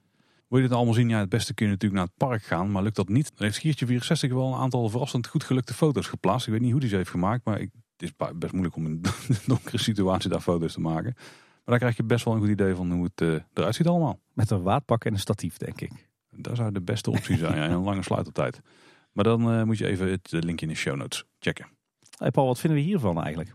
Nou, ik vind het wel, uh, wel een vette upgrade hoor. Ik vind het wel beter dan wat het was. Het feit dat het meer fysiek is, zeg maar, dat, dat vind ik toch wel zelf leuker dan het watergordijn. Want ik ben zo blij dat de Efteling de laatste tijd echt gewoon die keuze heeft gemaakt. Wij zijn niet van de schermen, niet van de projecties. We gaan gewoon echt in al onze attracties gewoon hardcore voor fysiek decor. Ik kan het ook wel goed keuren, ja. ik vind het sfeertje wat er nu hangt ook wel toffer. Nogmaals, ik hoop dat ze nog de verlichting wat gaan tweaken, zodat je er iets meer van kunt zien. Maar dat is gewoon meer degene in mij die uh, graag het decor uitgebreid bestudeert. Want die kans heb je gewoon niet. Nou, daar ben ik wel met je eens. Van mij mag het echt wel wat lichter in die scène en ook wat langer licht. Dus de, gewoon het lichtniveau iets omhoog, zodat je ook die scheepswrakken ziet. En, die, en al die zeilen die er volgens mij wapperen. Daar zie je ook echt maar een heel klein beetje van. En op zich is het effect dat je die boegbeelden alleen ziet tijdens de blikseminslagen is wel heel vet. Maar wat jij zegt, dat mag inderdaad net wel even wat langer. Dat je meer ziet dan alleen een flits. Ja, en het is ook misschien iets te conceptmatig noemen, zeg maar, dat ze even stuk voor stuk worden uitgelicht en dan houdt het ook gewoon op. Ja. Niet dat er nog een random een van de drie nog een keer extra wordt opgelicht, of misschien twee van de drie of zo, weet je wel. Dat ook alweer een beetje helpen. Maar ik, ik hou wel gewoon van het meer fysieke erin en ook het feit dat, het zo, dat ze zo dicht over je heen uh, bijna torenen, zeg maar. Je, je, echt als een kleiner bootje uh, schuif je er een beetje tussendoor. Ik moet zeggen, ik vind het ook echt fantastisch, uh, fantastisch dat dit is gebeurd. Dat ze hier uh, de energie en de tijd en het geld in hebben gestoken. Uh, we roepen altijd, er zit zoveel potentie in de attractie Vliegende Hollander, in dat verhaal, in, in nou ja, de, de, de tekeningen die uiteindelijk niet gerealiseerd zijn, in het originele idee van Karel. Ja, en hier laten ze nu in één scène zien dat het dus daadwerkelijk zo is. Wat mij betreft halen ze nu echt al veel meer uit die potentie van die scène. Waarbij ik het echt heel gaaf vind dat je hier dus tussen die scheepswrakken doorgaat met die boegbeelden. En daarom hoop ik ook dat we er wat meer van gaan zien dan wat nu het geval is. Maar een heel tof sfeertje, heel erg, ja, toch wel angstaanjagend, beklemmend gevoel. Die beelden zijn ook echt gigantisch groot en echt super mooi vormgegeven.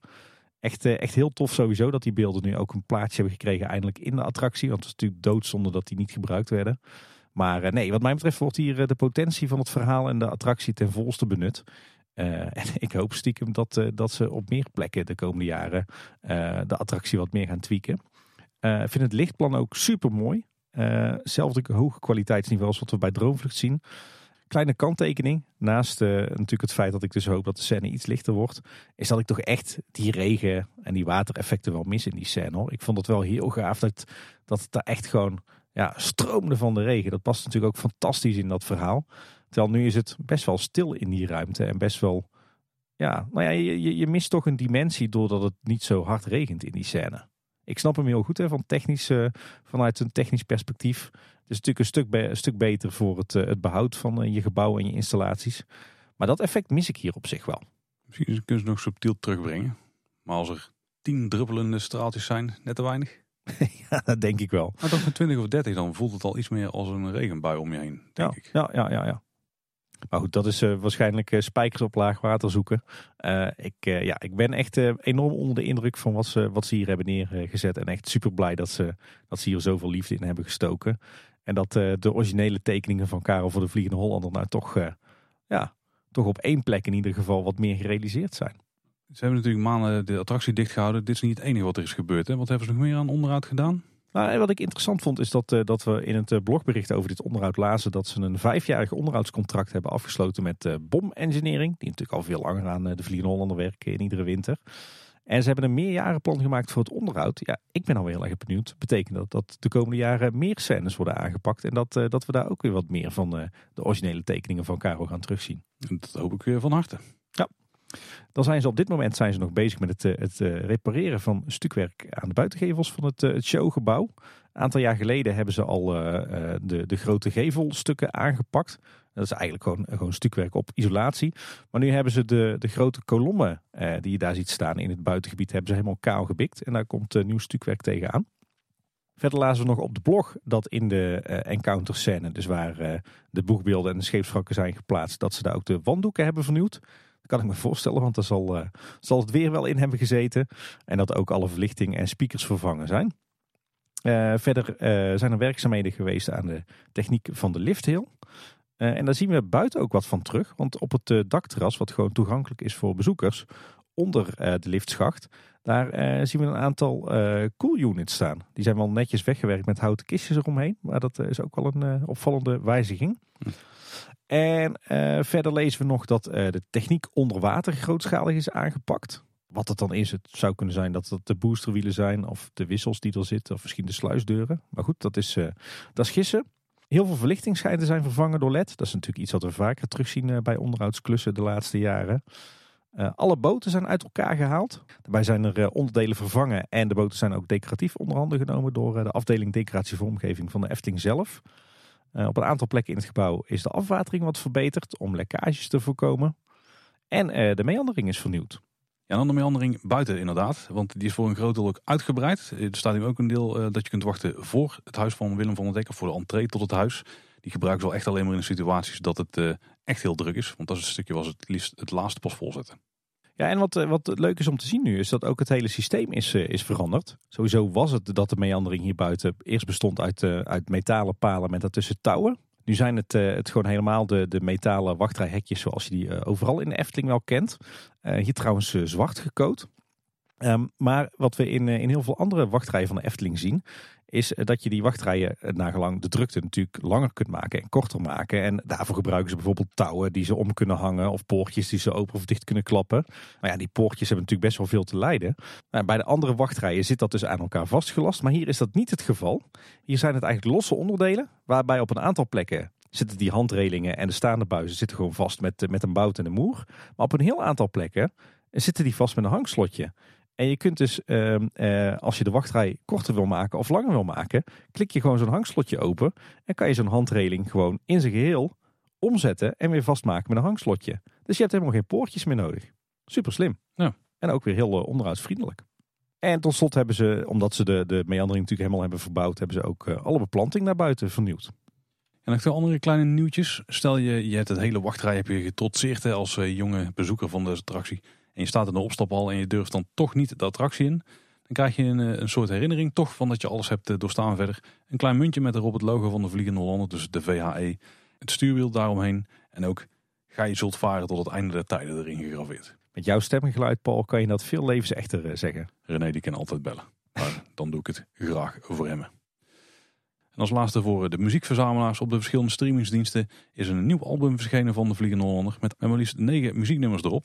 Uh, eigenlijk allerlei stukken uit de attractie die we eerder nog niet gepubliceerd hebben gezien. Nee, en er wordt zelfs een gedicht voorgedragen over de Vliegende Hollander. Die had ja. ik uh, überhaupt nog nooit gehoord.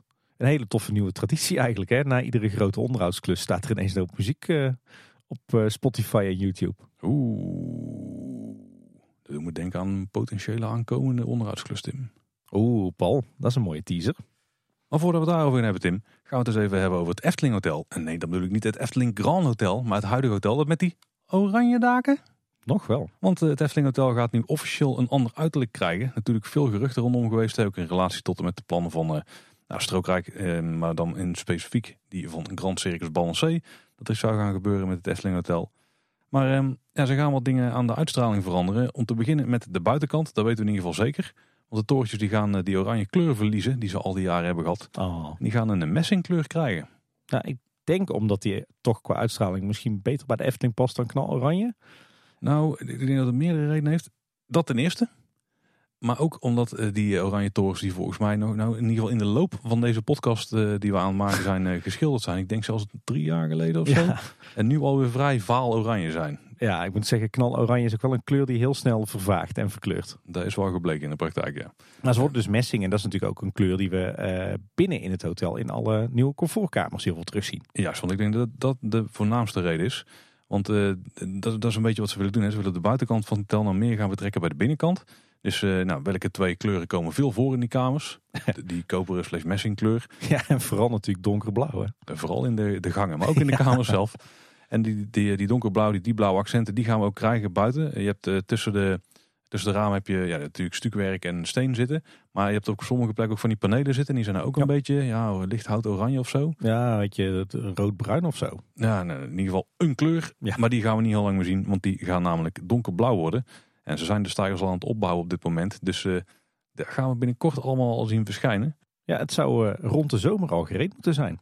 Dit is een van die geruchten die ging al een tijdje rond en dat er wat ging gebeuren aan het Efteling Hotel. Dan weet ik niet of dit de plannen zijn die ze uiteindelijk, of die ze initieel hadden liggen. Of die ze hadden liggen als het ook met de circus meer betrokken zou moeten gaan worden. Maar ik snap het wel hoor, want ik, ging, vandaag kwam ik nog eens langs het Efteling Hotel en ik zat er zo eens naar te kijken en denk ja, ik denk dat er wel van opgenopt met die, met die kleuren. Dat het toch weer meer naar nieuw wordt gehaald. Misschien dat het ook iets beter past bij het luchtkasteel idee wat er altijd achter heeft gespeeld. En dat het ook wat meer past gewoon bij de uitstraling van de Efteling nu. Ja, klopt. Ik denk inderdaad ook qua, qua kleurstelling dat het ook net wat, wat frisser is en uh, wat minder jaren negentig. En dat zij wel goed naar hebben gekeken. Ik ben eigenlijk alleen wel benieuwd of ze hier geen vergunning voor nodig hebben. Want uh, volgens mij als je het uiterlijk van een gebouw aan de buitenkant gaat, uh, gaat veranderen, dan moet je daar volgens mij al een vergunning voor hebben. Jij mag ook niet zomaar jouw, jouw kozijnen knalpaars verven, toch? Maar zou er een soort thematische de reden achter zitten of zo? Dat het thematisch gebouw is, dat dat misschien anders is?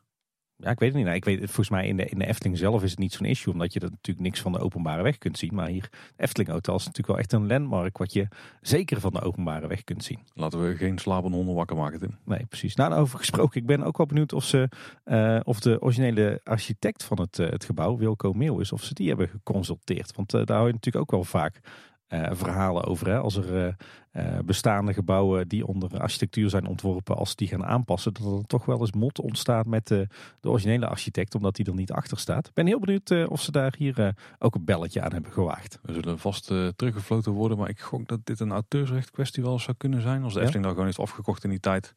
Wat ik me niet kan voorstellen overigens, want ik denk niet dat ze erbij stilstonden. Maar dat het dan gedekt is.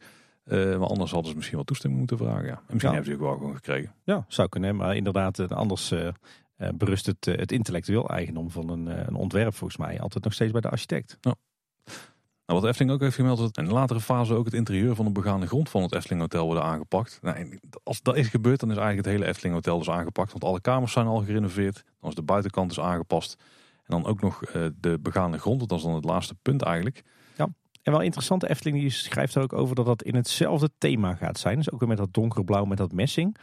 Uh, opvallend, want er is natuurlijk heel lang een verhaal gegaan dat het, uh, het Efteling Hotel qua uitstraling zou gaan aansluiten op uh, Grand Circus Balancé. En dat ook de uitvoering van uh, zeker die, die van de begane grond, dat die ook planningstechnisch werd gekoppeld aan de bouw van Strookrijk. Ja, nu, staat, nu zijn, staan de plannen voor uh, de uitbreiding van het reisrijk staan natuurlijk, nou niet zozeer op losse schroeven, maar we weten dat ze het circusthema uh, definitief hebben losgelaten. Ik denk dat ze dus ook ergens uh, het besluit hebben genomen om de werkzaamheden aan het Efteling Hotel niet meer af te laten hangen van wat er in Strookrijk gaat gebeuren. Dat ze hebben gezegd, we kunnen niet langer wachten, laten we nu alsjeblieft aan de gang gaan met dat Efteling Hotel. Ja, dan blijft er nog meer op zichzelf staan. Entiteit wordt niet echt wel betrokken bij wat er in het park gebeurt, maar wie weet komt er nog ooit een, een iets striktere of iets strakkere koppeling met het park. Ja, we weten dus eigenlijk niet wat hier verder gaat gebeuren officieel. Maar er is een, Twitter-account, Inside Twinkles. En die had de plattegrond gedeeld van een potentiële nieuwe indeling van het gebouw. En daarbij valt eigenlijk op dat, nou, als we grofweg naar de indeling kijken, dat eigenlijk eh, het gedeelte recht onder de torens, en daar een beetje van ingesprongen. Dat, dat blijft een soort servicegebied, zeg maar. Dus daar zitten allerlei faciliteiten en zo. Maar eigenlijk alles wat daar omheen zit, dat is gewoon helemaal open. En vrij flexibel in te delen volgens mij. Ja, de, de, hele begane grond krijgt een nieuwe indeling. Uh, de ingang van het hotel die zou komen te liggen uh, aan de kant van Vogelrok. Dus die wordt eigenlijk uh, helemaal naar de andere kant toegehaald. Dat is eigenlijk vreemd, want dat is nu een van de lelijkste hoekjes van het hele, ja, het hele gebied eigenlijk. Want het is een soort backstage gebied. Ja, maar we weten natuurlijk wel dat als, als het reisrijk wordt uitgebreid en met strookrijk, dan komt het hotel daar natuurlijk wel midden in het park te liggen. Dus die hoek gaat er ook heel anders uitzien. Ja, ik had toen verwacht dat de ingang van het hotel dan aan de zijkant zou komen, dus richting de parkeerplaats. Ja, volgens mij komt het meer daar in die hoek te zitten, ja. Oh, wel in de hoek, dus ja. niet aan de kant van de linnenkamer, zeg maar. Nee, nee. Ah, oké, oké, oké. Dan uh, wordt de parkeerplaats uitgebreid en die komt dus ook op een andere plek te liggen. Uh, er zou een uh, nieuw groot buitenterras komen liggen op de plek van het huidige parkeerterrein. En er zit nu al wel een terrasje, maar die zou dan groter worden, oké. En binnen krijg je dan meer een open setting zoals we die ook kennen van het, het Loonse Landhotel. Hè? Dus je hebt een, een soort kern wat een, een dienstgebied blijft. Uh, met, met de lift en de trappenhuis en dergelijke. Maar eigenlijk alles daaromheen wordt één groot open gebied. En vervolgens gaan er eigenlijk allerlei functies wisselen. Want de huidige lobby van het hotel wordt dan restaurant. De huidige gelachkamer wordt back of the house, dus een soort dienstgebiedje. En dan het, zeg maar het huidige uh, gedeelte, wat zeg maar op dit moment uh, een beetje in die linkerhoek zit achter de receptie. Met dat extra buffet, restaurant en de vergaderzalen. Dat wordt dan straks het, het hele gebied met de ingang, met de receptie, de lobby en de bar. Met dus dat, dat grote nieuwe buitenterras. Ik snap deze herindeling wel, want ja, je gaat dan het, uh, hotel meer oriënteren richting het park of richting het toekomstige park in ieder geval, waar, ooit een park komt te liggen. In plaats van nou, ja, een zeer veel besproken weg die daar nu toevallig ligt voor je entree van je hotel, maar eigenlijk heel vreemd is, want ja, de aanloop naar het hotel nu is niet echt relaxed of niet echt mooi. En straks als je de parkeerplaats meer richting uh, de oude horst en je maakt dan een mooi pad richting de entree zo, weet je wel. Ja, dat, dat kan, wel, kan wel mooi hoor. Ja. En daarmee is het ook logisch dat de oriëntatie van al die faciliteiten gaat veranderen. Ja, ja volgens mij werkt het constructief ook zo. De kern van het hotel is gewoon van beton en dat, dat is gewoon een vast gegeven. Dus de trappenhuis en de liften natuurlijk. Ja, en rondomheen, ja, dat is gewoon vrij indeelbaar. Ja. Ja, het hotel is natuurlijk heel lang een zorgenkindje geweest. Heel lang dat, eh, die, die 90s vibe en hoe moeten ze hier nou nog wat van maken. Maar je ziet toch dat ze er in fases, eh, dat ze het hotel echt wel eh, naar, naar de huidige tijd brengen. Hè? Met natuurlijk al die comfortkamers die, die een echte flinke update hebben gekregen. De buitenkant die toch een meer eigentijdse uitstraling gaat krijgen. En dan straks de totale herindeling van de begane grond, waarbij die dat, datzelfde thema gaat krijgen. Wat we dus op de kamers zien en straks buiten. Ja, volgens mij heb je dan nou, toch op een, een, hele goede, slimme manier het hotel echt bij de tijd gebracht. Ik ben vooral heel benieuwd hoe ze het qua planning gaan doen met de werkzaamheden aan de benedenverdieping. Want ga je het hotel dan toch weer even dichtgooien, wat zon is met alle kamers die net vervangen zijn? Of ga je dan zeg maar eerst dat hele buffetgedeelte eruit slopen, dat je zo een fase aanpakt, dat je dan eerst de entree verplaatst en dat je daarna dan stuk voor stuk de, ja, de andere delen gaat draaien, zeg maar, zeg maar. Dan haal je het restaurant weg, want dan komt dan op de plek waar de ingang zat. En dat je het zo een beetje hustelt of zo. Daar is dus de functie projectleider voor uitgevonden. Oh, nou dan uh, moeten we dan maar een keer aan Tim gaan vragen. of wie het dan ook uitvoert, want er zijn er meerdere in Efteling natuurlijk. Ik ben vooral heel even benieuwd naar de nieuwe hotelbar. Want ja, de gelachkamer is toch een beetje onze, onze tweede huiskamer. En ja, dat, dat zal er heel anders uit gaan zien, denk ik. Het mag op zijn minst een stuk groter worden dan die nieuw is. Dat sowieso. Volgens mij in de plannen zaten sowieso geen conferentiezalen en zo meer. Dus er komt in het algemeen al meer ruimte. En als ze dan één groot restaurant pakken in plaats van meerdere. Ja. Uh, dit, gaat goed komen. Kan een stuk uh, slimmer, ja. Maar dat, eh, dat, dat gevoel van een bruine kroeg wat een half Efteling museum is. Ik denk dat we daar wel echt de afscheid van moeten gaan nemen. Ja, ja, en, ja het is meer een museum aan zich natuurlijk. ja. Hey, we waren al redelijk verrast door, uh, door de plannen voor het, het Efteling Hotel. Maar iets waar ik echt, echt totaal niet aan had zien komen waren de plannen voor het, eh, het Anton Pieckplein. En wat onze luisteraars niet gaan aanzien komen, Tim, is dat wij het hier niet uitgebreid over gaan hebben nu. nee, precies. Ik denk dat die er allemaal uh, al op hadden zitten hopen op een uitgebreide analyse van de plannen met het Anton Pieckplein. Nou, we kunnen het wel e-, e-, even heel kort duiden. Uh, want uh, vorige week op 6 april kwam de aankondiging dus als een duveltje uit een doosje. Ja. Want wat, wat ze schreef de Efteling, ter ere van het creatief gedachtegoed en de verjaardag van Anton Pieck op 19 april wordt het Anton Pieckplein vernieuwd. Ja. En uh, er, gaat daar, uh, er, is al ontzettend veel gebeurd. Er wordt op dit moment heel hard gewerkt en er gaat nog van alles gebeuren. Uh, maar het zou allemaal klaar moeten zijn op 19 april, want dan wordt het Anton Pieckplein opnieuw geopend.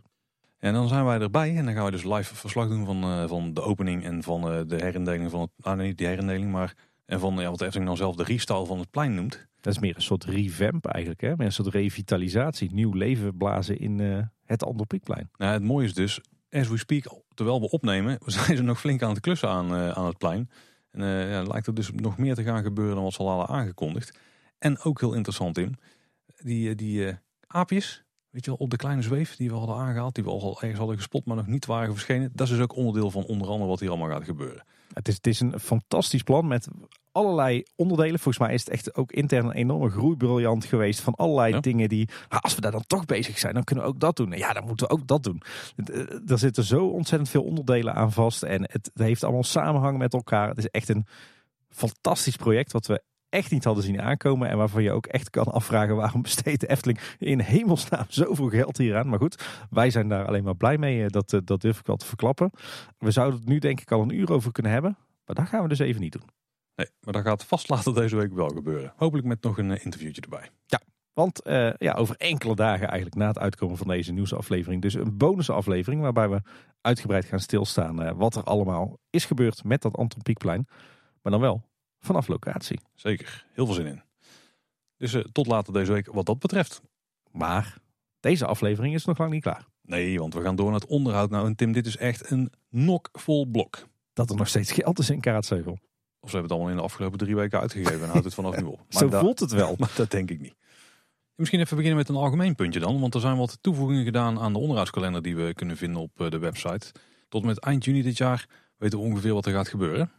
Ja, uh, best wel een aantal attracties die een aantal dagen sluiten. Maar dat zijn allemaal maar eh, korte onderhoudsperiodes van maximaal vijf dagen. Er is eigenlijk maar één attractie die er even bovenuit springt.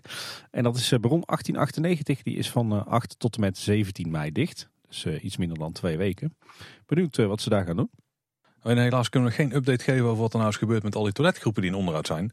Want onderhoud is nog niet afgerond. En doen het ook op zo'n manier allemaal afschermen dat we ook niet stiekem naar binnen kunnen gluren. Ja, bij de Fata Morgana hebben we natuurlijk wel even naar binnen kunnen kijken. Een paar weken terug. Maar uh, verder zit de deur inderdaad op dit moment op slot. Ze zullen al het nieuwe sanitair wel aan het, uh, aan het monteren zijn. Ik zag trouwens laatst wel een aantal dagen op het dienstencentrum een aanhanger staan van een of ander bedrijf. Wat actief was in high-end toiletinrichting. High-end? High-end, ja. Oeh. Dus wie weet. het was trouwens tijdens het paasweekend wat, wat bij Vlagen erg druk was, was het wel te merken. Want de toiletcapaciteit op uh, een aantal plekken in het park die was echt uh, ja, ruim onvoldoende. Zeker in het Maanrijk, uh, waar de toiletgroep van het Witte Paard normaal gesproken toch altijd al erg druk was. Ja, was met het gemis van het gemak, was het echt lange, lange, lange rijen. Dus ja, je mist die, die paar toiletgroepen die nu dicht zijn toch wel. Hey Tim, maar het is voorjaar. En dan verwacht je in Efteling natuurlijk een mooie bloemenpracht en zo. Zeker. En gaat die er ook komen? Ja, Absoluut. Meer dan ooit lijkt het wel. Het heeft natuurlijk uh, allemaal even op een laag pitje gestaan tijdens uh, twee coronajaren. Maar uh, nou ja, het, het lijkt alsof, alsof ze ook hier flink wat geld bijgestopt hebben. Er is ontzettend veel voorjaarsgoed in het, uh, in het park aangeplant. Daar hadden we het de vorige keer natuurlijk uh, al over. Maar wat nu uh, opvalt is dat er zelfs nu al heel veel bakken en potten en manden in het park zijn neergezet. Met allemaal bollen en andere voorjaarsgoed erin. Dat zagen we eigenlijk de afgelopen jaren nooit. Dat gebeurde dan eigenlijk alleen met het, het zomergoed. Nou ja, dat is natuurlijk super tof, want het park staat er echt prachtig bij nu. En wat ook wel grappig is, is dat we zelfs weer torens zien met, uh, met voorjaarsgoed. Ja. Iets wat uh, misschien wel tien jaar geleden is dat, dat, uh, dat, dat we dat konden zien in het park. want op het theaterplein hebben ze nu een aantal van die torens neergezet. Hè? Dus dat zijn een soort constructies met eigenlijk ja, van boven tot onder helemaal volgestopt met bloemen. Heel tof. Dan hebben we de plantsoenen langs de, de tijdelijke route zeg maar, vanaf, de, vanaf het Huis van de Vijf Zintuigen het park in. Die hebben heel lang braak gelegen. Maar die zijn ze nu ook aan het aanplanten. Uh, langs de hele route hebben ze beukenhagen aangeplant. En uh, de, de plantvakken die, uh, die nog braak lagen, die hebben ze nu ook met mooie bloemetjes en plantjes aangeplant. Dan ietsje verderop langs de Steenboklaan, daar zijn laatst een aantal mooie eiken gesneuveld. en daar bleef nog een brede strook zand over waarvan we ons afvroegen wat ermee ging gebeuren. die is inmiddels ook mooi aangeplant met, met nieuwe plantjes. nog geen bomen, laten we hopen dat, dat die nog gaan komen. Uh, waar wel bomen zijn verschenen, uh, zijn aan de Gondoletta-vijver, ter hoogte van de rots van Symbolica. Daar hebben ze zelfs een hele mooie bomengroep van, uh, van drie bomen neergeplant. En verder zijn ze op heel veel plekken in het park bezig met, met de inboet. Oftewel, eigenlijk alle plantjes en alle hagen die het afgelopen jaar zijn uitgevallen, bijvoorbeeld door de droogte, die, die worden nu vervangen. Dus het groen wordt overal flink opgefrist. Alleen even wennen als je vanaf de pagode naar het, het, de wereld van Simbad loopt, langs de Gondoletta. Want aan je linkerhand kan je nu zo op de speelweide kijken. Daar had je eerst uh, heel dicht struikgewas, maar dat hebben ze nu flink uh, teruggesnoeid. Dus nu heb je even een zichtlijn uh, die je normaal gesproken nooit ziet. Even wennen, maar dat groen komt er natuurlijk weer snel op. Maar ja, de afgelopen weken ontzettend veel werkzaamheden aan het groen in de Efteling. Ja, als al het klassieke rondje park starten, Tim, dan beginnen we in Fantasierijk. Dat is natuurlijk groot onderhoud geweest aan Polles Keuken. Die is inmiddels weer open. Ja, dat was de schoorsteen volledig kaal gebikt tot op de staalconstructie. Maar ja, dat is niet helemaal duidelijk. Uh, of hebben ze alles ervan afgebikt en, uh, en keek je toen die staalconstructie. Of hebben ze misschien zelfs de hele schoorsteen gesloopt en uh, er een nieuwe staalconstructie op het dak gemonteerd. Dat zou ook nog kunnen, want hij zag er wel heel nieuw uit. Nou, is in ieder geval nu weer helemaal ingepakt, opgebouwd en gestuukt. Dus hij ziet er weer chic uit. Er zaten aan de buitenkant natuurlijk muurschilderingen. Die zijn volledig overgesausd, weer ingeschaduwd de wand. En die muurschilderingen die waren in eerste instantie verdwenen. Dus dat ging onder andere over die schildering waar je dan het silhouet van het Harthof nog in zag. Voor het oude attractieplan wat er ooit lag. Die is dus uh, niet teruggekomen. Maar er is wel het begin gemaakt. En ik denk dat die al klaar is inmiddels uh, aan een nieuwe muurschildering. Van de Koninklijke Voorraadkamers.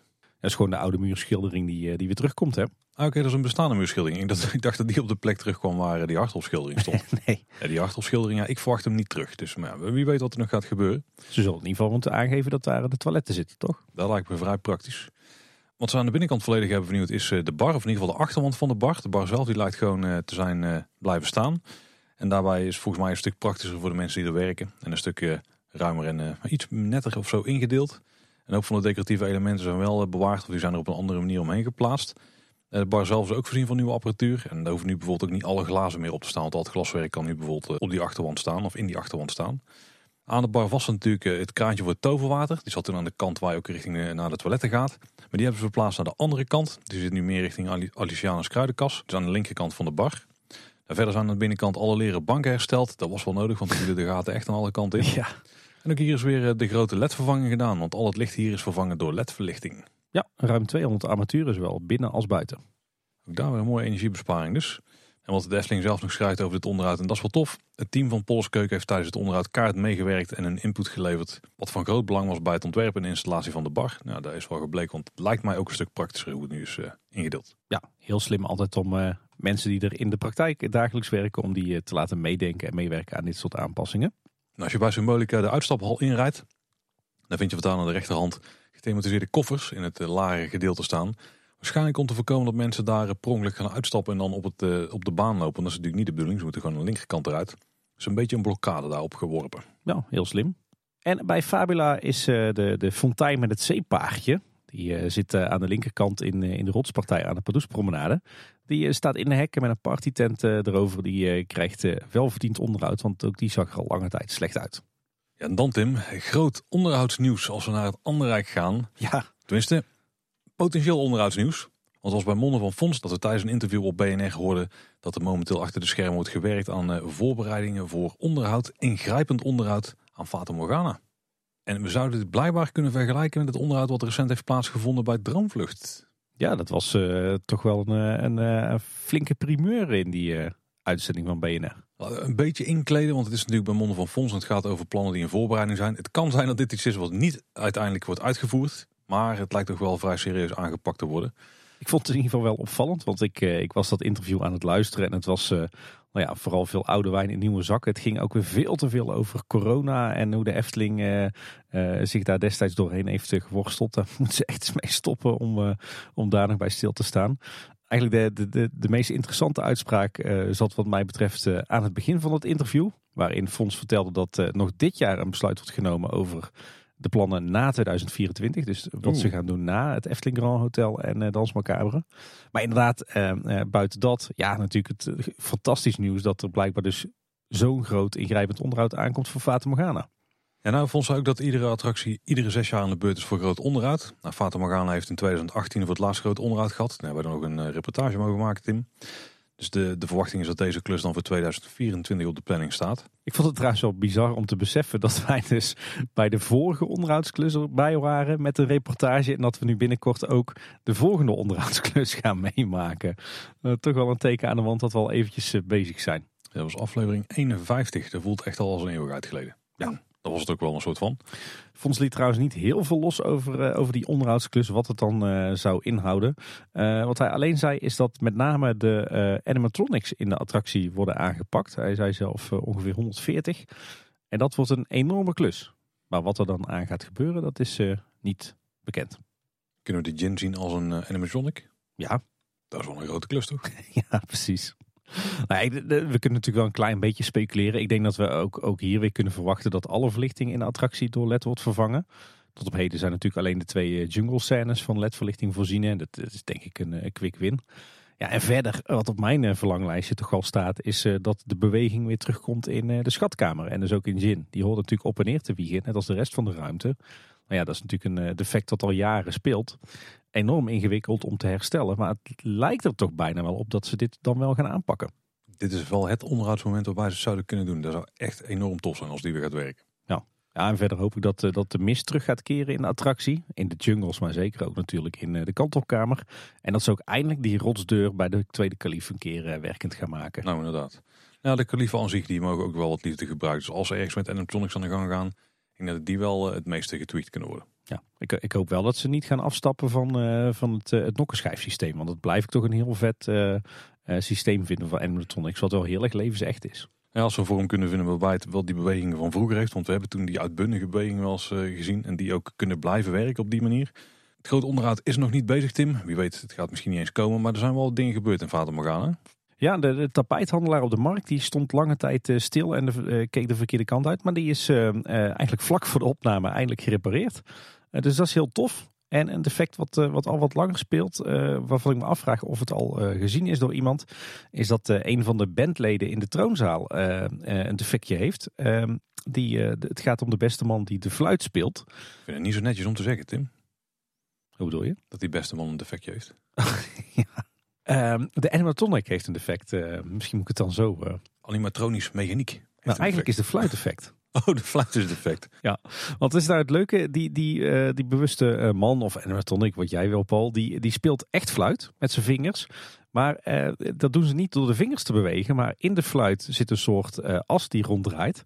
En eh, daar, daar zitten wat nokjes aan, waardoor, eh, zeg maar, terwijl die as ronddraait, de vingers gewoon naar boven worden geduwd. Waardoor het lijkt alsof dat hij zelf de fluit speelt. Nou ja, dat mechaniekje is al, eh, al langere tijd defect. Oeh, oké. Nou, wat in ieder geval niet meer defect is, is de oase. Want die was natuurlijk een onderhoud. Het horecapunt eh, buiten Fata Morgana. En die is weer heropend. Alles is netjes opnieuw geschilderd. Het terras is opnieuw ingevoegd. En er is ook eh, nieuw terrasmeubilair. Als in terrasmeubilair wat zich niet eerder op deze plek bevond. Het lijkt het oude panorama meubilair te zijn. Dus met die eh, verschillende kleuren. En inmiddels zijn ook alle luifels vernieuwd. Die eh, kwamen wat later. Hè? Dan gaan we naar Ruigrijk. Daar speelt ook nog een groot eh, onderhoudsklusje. Nou. klus. Eh, de Python die is namelijk eh, van 3 tot en met 28 april gesloten voor onderhoud. En we weten inmiddels dat daarbij de liftketting vervangen wordt. Ja, denk ik in ieder geval. Ik, ik heb ze daar bezig gezien. En het ging met best wel groot materiaal. Het is sowieso best wel groot onderhoud eigenlijk. Ze lijken daar de hele kettingbak weggesleept te hebben. Want ik heb ze in ieder geval daar wat delen van zien afvoeren. Ja. nou, ik neem aan dat de ketting dan ook eh, wordt vervangen. Nou ja, ik, ik zag van de week wat foto's van de Pythonweide waar aardig wat eh, kisten en materialen stonden. En eh, daar eh, stonden inderdaad wat kisten met daarin een nieuwe liftketting. Maar daar lagen inderdaad ook heel veel nieuwe onderdelen klaar. Waarvan je inderdaad met een beetje fantasie wel een, kettingbak van zou kunnen maken. Dus ik denk dat dat inderdaad klopt.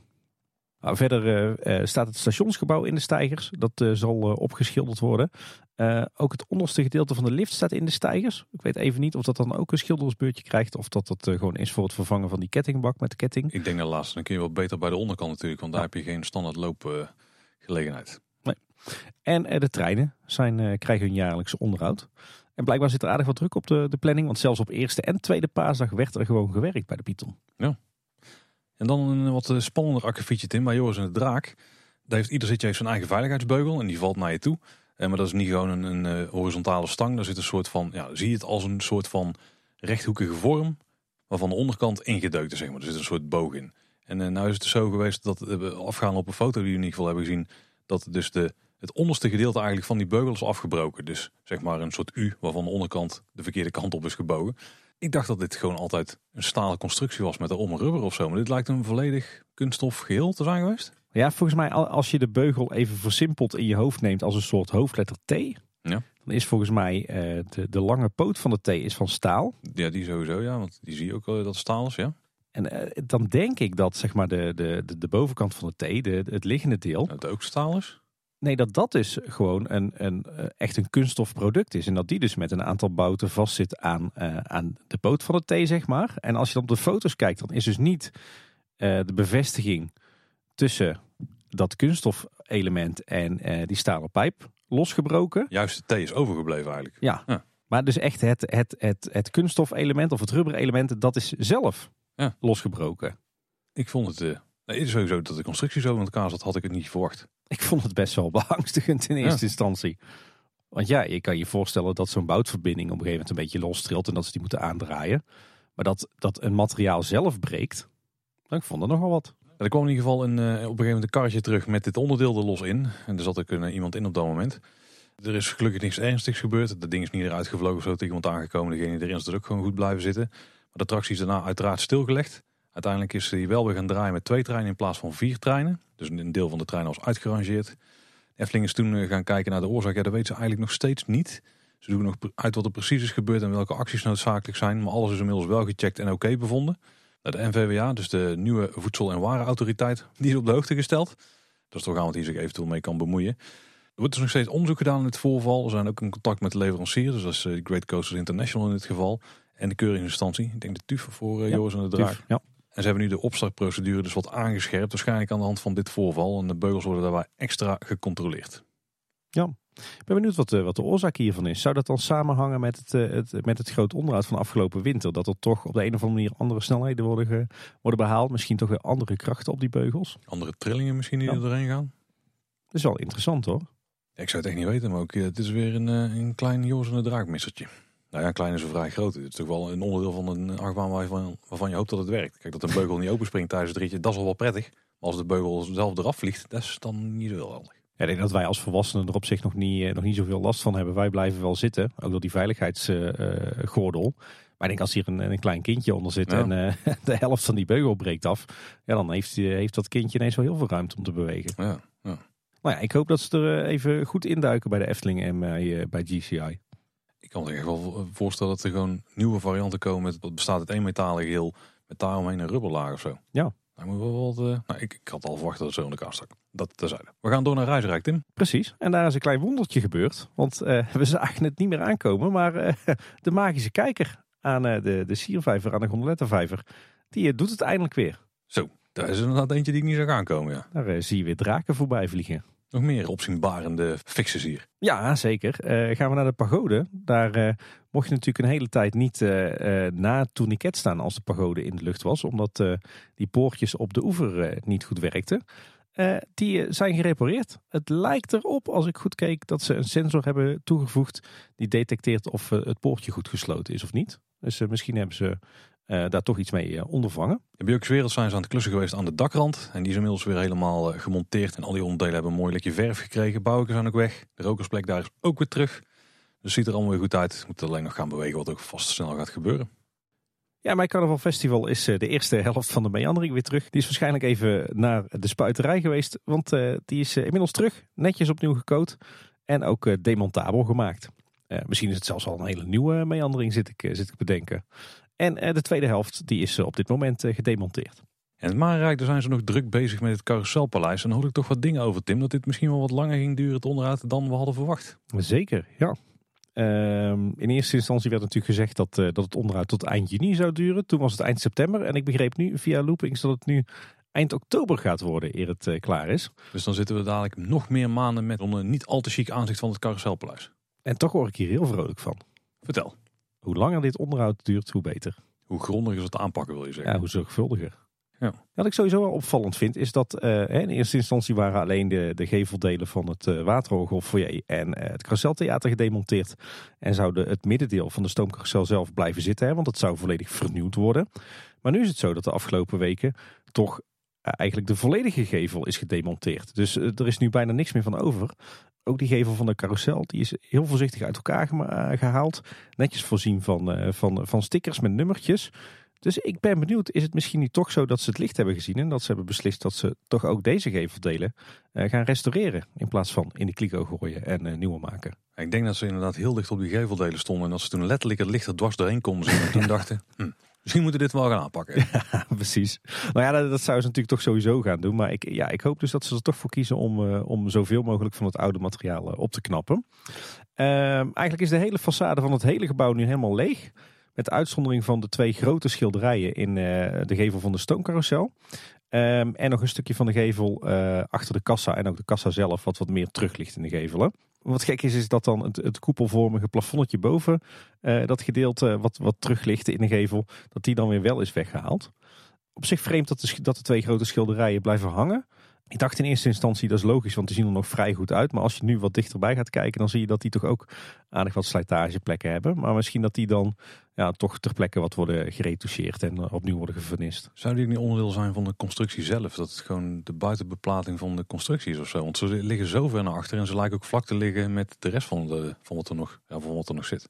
Nee, tijdens het, het vorige groot onderhoud, toen ze de hele gevel uit elkaar hebben gehaald, toen zijn ze wel weg geweest. Oké, okay, okay. nou, Wat ze trouwens wel gaan doen, uh, is dat ze uh, een uh, doek met een fotoprint gaan spannen over de hele gevel. Tenminste over het vlakke deel waar de stoomcarousel achter ligt. Um, daar kan je nu al wat van zien. Ze hebben nu zo'n zo'n tijdelijke buisconstructie aangebracht waar ze straks zo'n doek overheen gaan spannen. Dus dan ziet het er toch wat, wat minder gek uit. Je kan nu trouwens ook heel goed die achterconstructie zien van de façade. Die bestaat uit allerlei stalen buizen en met name heel veel houten planken. Die zijn toch op sommige plekken er ook wel heel slecht aan toe. Zeker heel veel van die, van die stalen buizen waar die, die joffers omheen geklemd waren. Die zijn aan de onderkant helemaal doorgeroest. Waarschijnlijk omdat daar dus water is blijven staan. Dus ik ben benieuwd of ze daar ook nog het een en ander aan gaan opknappen. In ieder geval was het wel heel bijzonder om die gevel uit elkaar te zien liggen. we zullen wat linkjes in de show notes plaatsen naar wat, wat foto's op Twitter van ja, eigenlijk die grote demontageklus. We weten ook iets meer inmiddels over wat er gaat gebeuren met, nou, laten we het, zustergebouw noemen in de Efteling van het Carouselpaleis. Want ja, want het kleine jonge zusje dan. Ja, want dat is het poffertje toch wel een beetje. Ja. Eh, want de vorige keer zaten we nog te speculeren wat gaat er dan precies gebeuren aan onderhoud. Want dat er iets ging gebeuren was duidelijk. Maar er is inmiddels een vergunning aangevraagd. En die gaat eh, specifiek over het renoveren van de voorgevel van het restaurant. Dus ja, dat is ongeveer hetzelfde als wat we gaan doen bij, eh, als bij het Carouselpaleis. Ja, geen eh, sloop en totale herbouw zoals het, eh, het gerucht was.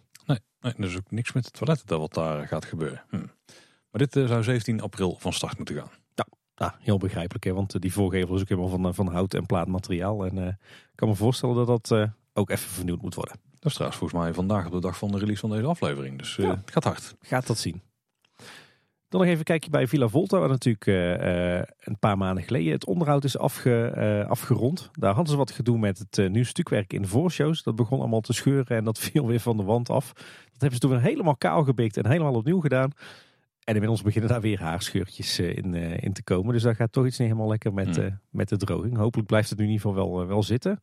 En opvallend, de hele buitenkant is daar eh, helemaal opnieuw gesausd. Eh, inmiddels een paar maanden geleden. Maar het is nog steeds niet ingeschaduwd. Dus de villa is eigenlijk nog eh, te maagdelijk wit op dit moment. En het Sprookjesbos Tim, er gebeurt natuurlijk van alles. Maar ook voor nou, de kleinere defecten tussen airquotes is nog wel oog. Want het waterval van Doornroosje doet het bijvoorbeeld weer. Ja. Ik denk dus ook dat de vijver aan de onderkant van het kasteel. En dus eigenlijk de entree van het Sprookjesbos, als die ook weer gevuld is. Ja, fijn dat dat eindelijk weer werkt. De sloop en uiteindelijk ook de herbouw van het paddenstoelenparcours, die is ook begonnen. Begin april toen is er een omgevingsvergunning aanvraag ingediend voor het opnieuw bouwen van de paddenstoelengroep in het Sprookjesbos. En op dinsdag 11 april zijn de voorbereidende werkzaamheden gestart. De bouwwerken zijn geplaatst, er is wat boombescherming aangebracht, ook hier Tim. Het is bij het Dans Macabre. En twee dagen later, want meer hebben we nog niet kunnen spotten, zijn eh, alle drie de paddenstoelen al gesloopt. Ja, dat is snel gegaan. Ja, ja, het stond duidelijk op instorten. Dus dan zet je er tegenaan en dan was het waarschijnlijk al eh, geregeld. We hebben natuurlijk een hele tijd eh, kunnen genieten. Nou, dat is op zich wel een mooie shortcut van het dienstpad wat eh, ooit lag tussen de Dioramelaan en de Pardoespromenade. Maar die is nu weer afgesloten, want dit is het bouwterrein voor dit project. Ja, op zich wel een logische, want je hebt verder niet heel veel plek in, eh, in de omgeving daar. Hè? Nou, anders moet je hele delen Sprookjesbos gaan afzetten. Dat hoeft natuurlijk nu niet. Nee, ik ben heel benieuwd naar de beelden van deze bouw. Ik ben vooral benieuwd hoe dat ze die paddenstoelen gaan construeren. Of dat het allemaal metselwerk wordt en of die hoed dan kunststof wordt. Of Ja. dat er ook nog wat staal in komt te zitten. Ik ben heel benieuwd hoe ze dat anno 2023 vormgeven. Ja, dat is interessanter dan ik had verwacht. Ik had gewoon verwacht van eh, steen, maar of tenminste van stukwerk of zo, of smeersels. Maar kan wel eens meevallen. Maar thema beton, thema beton. Dat is nog steeds wel des 2023, toch? Maar ja, hoe maak je zo'n hoedje dan? Ja, met heel veel gaaswerk en smeerwerk. Het is bij Symbolic ook gelukt in eh, de grotten en zo. Dus eh, Kijk, ook weer boeiender dan je denkt. Ja. Maar hebben we toch een mooie podcast hè? dat hoor ik ze wel zeggen. Ja, dan ietsje verderop tussen eh, het Kabouterdorp en Langnek is eh, vorig jaar het, eh, het groen flink aangepakt. eh, prachtig opnieuw aangeplant. Maar blijkbaar hadden heel veel bezoekers toch de behoefte om daar even het groen in te wandelen. Je hebt daar ook zo'n een beetje zo'n open plek in het bos aan de rechterkant van het pad. Maar daardoor is een hoop beplanting daar alweer vertrapt. En om dat tegen te gaan hebben ze nou twee echt joekels van boomstammen daar langs het pad gelegd. in de hoop dat daar zeker niemand het bos inloopt. En ik weet inmiddels uit ervaring dat het ook een prima klimobject is voor de kleintjes. Tim, ben je recent nog in eh, het toilet Kleine Boodschap geweest? Nee. Dat is jammer, want je had het net over eh, luxe toilet eh, eh, installaties. Nee, hoe was het ook weer? Luxueuze. High-end toiletoplossingen. Want er zijn blijkbaar nieuwe urinoirs verschenen in de toiletgroep daar. Misschien waren dit wel van die luxueuze? Of die, die high-end units? We moeten het we moeten eigenlijk samen gaan proberen. Oh ja, dat is lekker gebroedelijk eh, schouder aan schouder daar een eh, kleine boodschap doen. En dan op het schaamschot de microfoon. Mm, nou, dat we de luisteraars niet aandoen. Nee, precies. Ik ben trouwens wel benieuwd of dat dit dan ook eh, onderdeel uitmaakt van het toiletplan. En dat de verbouwing hier echt beperkt blijft tot het vervangen van de urinoirtjes. Ja, qua uitstraling hoeft hier verder niet veel te veranderen eigenlijk. Nee, eens. En een tijdje terug waren we aan het speculeren over wat straatwerk achter ja, het, de- het landhuis van, van de stiefmoeder van Assenpoester en de Kleine Klaroen. Zou dat een tijdelijke, tijdelijke omleidingsroute worden voor tijdens de werkzaamheden aan het Herautenplein? Eh dat blijkt nu niet het geval, want er wordt op dit moment gewerkt aan een dienstpoort. Die komt dus links van de ingang van het, eh, het, het, eh, het landhuis van Assenpoester te liggen. Dus blijkbaar toch een soort shortcut voor personeel. Wel een mooie oplossing op zich. Ja. Ja, dan bij het Routenplein zijn ze natuurlijk nog steeds flink aan het klussen. En daar zien we dus de funderingen al voor de nieuwe muren. En ze zijn zelfs begonnen aan het metselwerk van de nieuwe muren. En ik denk dat dit wel een degelijke constructie wordt dan wat het was. Want nu krijgen we ook van die pilaren die dan eh, de muurlengte onderbreken. Of, of eigenlijk ondersteunen. Waardoor die wat eh, minder krakkemikkig gaat worden dan voorheen. Maar wel gewoon lekker authentiek metselwerk. Ja, ja, al gaat het wel voor een groot deel. Ja, het gaat natuurlijk aangesmeerd worden, maar delen blijven wel open. Het afbrokkelend stukwerk. Nee, nee, nee, volgens mij gaan we hier, eh, gaan we hier echt alleen maar eh, eh, stuk werk zien. Oh, oké. Nou, ik, ik ben heel benieuwd hoe ze het gaan aanpakken. De Maakse klok, Tim, die blijft in ieder geval staan. Oh, yes, gelukkig. En eh, het huisje van mevrouw Holle heeft ook weer een oude opslagfunctie gekregen. Want de herauten staan namelijk op dat moment daar. Ja, dat uh, spotte een van onze luisteraars. En dan uh, tot slot nog het sprookje De Chinese Nachtegaal. dat gebouwtje was een tijdje gesloten. eerder zagen een aantal mensen achter het gebouw een container staan met een hoop gebroken glas. En het Efteling die heeft bevestigd dat inderdaad de glasplaat waarin de Peppers Ghost verschijnt, hè, van de dood, dat die gebroken was. Hmm. Oorzaak onbekend. Ik vraag me ook af wie dat in vredesnaam voor elkaar krijgt. Want er komt toch niemand in het uh, buitenverblijf van de Chinese keizer? Neem ja, er wordt wel af en toe een flinke lamp opgezet. Misschien dat die warmte daar iets mee te maken heeft? Of zou een medewerker hebben gedacht, ik ga eens even lekker opruimen en poetsen. En die heeft die glasplaat niet zien staan en is zo dwars tot hieruit gelopen. Oeh, zou ook zo wel kunnen, ja. Dat is wel het uh, Peppers Coast effect wat goed werkt dan. Ja. Nou ja, laten we hopen dat er uh, niemand zichzelf pijn heeft gedaan. maar inmiddels is de glasplaat vervangen en is het sprookje weer open. En er is meteen wat meer geklust. Ehm, de lampjes uh, in de paleistuin die zijn uh, inderdaad aangepakt zoals wij al vermoeden. En daar zijn uh, nieuwe motten in aangebracht. Die ook weer netjes rondvliegen in het, in het lantaarntje. Het zijn trouwens wel echt joekels ten opzichte van de vorige varianten. En ook de dienaren die doen het weer. De deur die gaat weer open aan het eind van de show. En de dienaren die kijken dan natuurlijk om de deur heen. En ze fronsen allebei ook weer de wenkbrauwen. Ook een effect wat lange tijd defect is geweest. Er is ook nog wat onderhoudswerkzaamheden geweest in de wereld van de Efteling. Zo waren er wat werkzaamheden bij Café de Efteling. Maar wat precies weten we niet. Het buitenterrein staat in ieder geval vol met bouwwerk en opslagcontainers. Wat in ieder geval wel is gebeurd, is dat er wat schuttingen van het Silent Fregat zijn geplaatst die daar voorheen hebben gestaan. En er is wat meer duidelijkheid over eh, wat er nou gaat gebeuren met het parkeerterrein van Bosrijk. Dankzij een eh, recente vergunningsaanvraag. Want er worden 167 nieuwe parkeerplekken aangelegd. Eh, maar ook het plaatsen van lichtmasten, een slagboom en hekwerk. Ten behoeve van de optimalisatie van het parkeerterrein. Want eh, het parkeerterrein van Bosrijk staat natuurlijk vaak uh, bomvol. En in Bosrijk wordt ook nog gewerkt aan de verharding. Want rond het landhuis, zeg maar het, het hotelgebouw achter op het park. Daar lag een hoop van die halfverharding, van die schelpenpaden. En die worden nu vervangen door bestrating. En dan gaan we al door naar het kort nieuws, Tim. Al. Ja, dan is het project Gasloos, Tim, want daarbij hebben ze twee... Oh, oh, ik heb begrepen dat het inmiddels het project Duurzame Energieopwekking heet. Oeh, dat is op zich ook een mooi omschrijvende term, ja. Er zijn natuurlijk voor het project twee puisten verschenen in het park. Die technische gebouwen naast het theater en achter Fata Morgana. Maar die zijn inmiddels uh, een beetje verkleed. Want ze zijn donkergroen gesausd, een soort van Go Away Green. Maar dan de Eftelingse versie. Volgens mij net iets donkerder groen dan de, de Disney Go Away Green. Het is ook uh, ander klimaat hier dan in de meeste Disneyparken natuurlijk. Anders soort bomen. Ik denk dat daar de, de, truc zit. Die unit naast theater die uh, zie je in ieder geval al een stuk minder. Maar daar valt vooral nu een groot gat waar nog een hoop groen in geplant gaat worden. Daar ben ik uh, vrij zeker van. Ja, ik, ik, was positief verrast hoe goed dit werkt. Want als je vanuit de Steenboklaan kijkt of de Fata Morgana. Dan zie je die, die joekel gewoon echt niet meer dankzij die kleur. Nou ook omdat hij dus achter het groen staat en dan Daarachter heb je dan nog wat meer donkergroen zitten. Dan lijkt het bijna als één geel op te gaan. Ja. En dit is ook nog het moment dat er weinig blad aan de boom zit. Het zijn ook allemaal van die permanent groene planten die daar staan natuurlijk. Ja, nee, die kleur is echt, echt heel goed, uh, goed gekozen. Maar ik hoop inderdaad dat aan de kant van het theatergevel... dat ze daar nog even een plantsoentje maken... waar ze even flink wat uh, wilderig groen kunnen planten. Ja, daar zullen het in eerste instantie wel wat coniferen in gaan, gok ik. ja, maar die hebben dan weer niet die donkergroene kleur. Ja, die heb je ook wel een redelijk donkergroene kleur. Maar het coniferen zijn dicht genoeg. Dan zie je toch helemaal niks van. Ja, dat komt ook goed. En er komt ook een, een derde van die units bij. Maar die staat dan op de back of the house van Fabula. Dus daar ga je hem iets minder zien, hoop ik.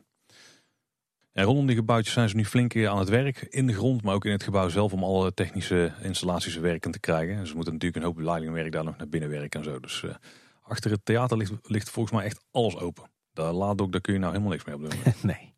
Dan de viering van 25 jaar Vogelrok. Want die attractie is al 25 jaar in ons park te vinden, Tim. ik voel me oud. Ja, maar daar doen ze dus een paar speciale activiteiten voor. Dus iets wat we eigenlijk niet zo vaak zien met dit soort eh, gelegenheden. Want tot en met 1 mei is namelijk dagelijks tot 1 uur in de middag de muziek van de oude lasershow te horen in de wachtrij.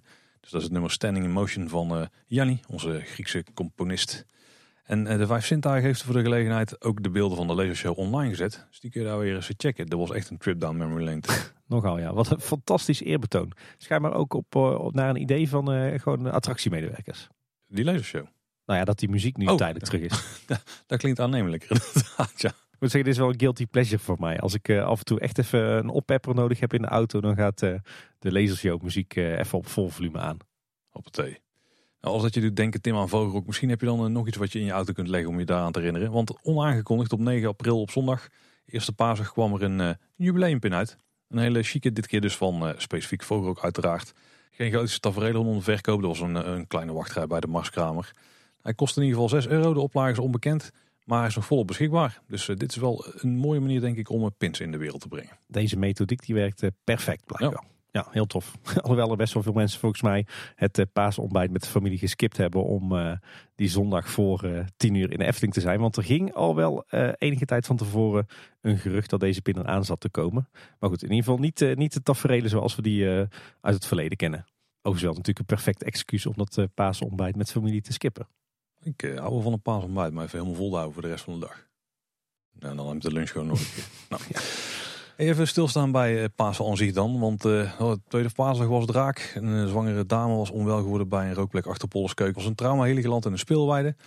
Maar de persoon waarvoor die landen die is uiteindelijk afgevoerd met een ambulance. En er was nog een man opgepakt in verband met drugsbezit. Mogelijk in verband met het voorval. En die is door de politie afgevoerd. Nou, uh, was van alles te doen, Tim. ja, inderdaad. Die trauma-heli die trok veel bekijks. Maar dat is natuurlijk ook niet iets wat je dagelijks ziet. Hè? Dat een trauma-heli midden in een pretpark landt. En je hebt later ook nog uh, iets gezien wat daar mogelijk mee te maken had, toch?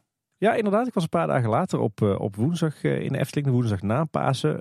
volgens mij de eerste dag die niet extreem druk was. En ik, ik kom uit Symbolica. En ineens komen langs alle kanten beveiligers aangesneld. En mensen van de Milieudienst en parkmedewerkers. En je hebt daar zo de, de, de smaakmakers staan in, die worstenkar. En die heeft een heel mooi groot terras opgebouwd op zo'n cirkelvormig pleintje. En echt al die mensen die aankwamen snellen, die, die gooiden echt als een malle alle terrastafels in de berm, alle tonnen aan de kant, alle stoelen aan de kant. Het hele pleintje werd afgezet. Dus wij dachten, wat gebeurt hier? En uh, we mochten ook absoluut niet verder. Nou ja, na een paar minuten was het hele spektakel weer opgehouden. En toen mochten we weer door. Maar wat bleek, er was opnieuw een uh, traumaheli opgeroepen voor de Efteling. En die zou dus moeten landen op het Harthof voor de worstenkar. Alleen vlak voor de landing is, uh, is die uh, traumaheli geannuleerd. Was toch niet nodig. Uh, ik dacht, is, is dit nou een oefening? Maar het, uh, het was dus voor het EGI. Heel bijzonder om te zien hoe dat ze echt in, in minimale tijd met zoveel mensen zo'n uh, landingsplek gereed maken. Je denkt misschien van hoezo, hè, hoezo in één paasweekend twee keer de traumaheli in de Efteling. Uh, toevallig iemand gesproken die in de zorg werkt en die vertelde dat er vanaf 1 maart een proef is waarbij ze uh, veel sneller een traumaheli laten komen. Eigenlijk op het moment dat, dat iemand onwel is geworden en niet meer aanspreekbaar is, dan roepen ze de traumaheli al op. Want er zijn een aantal traumahelis nu uitgerust met een hart-longmachine, waardoor dat ze de traumaarts die mee, meevliegt eigenlijk op locatie een operatie kan uitvoeren.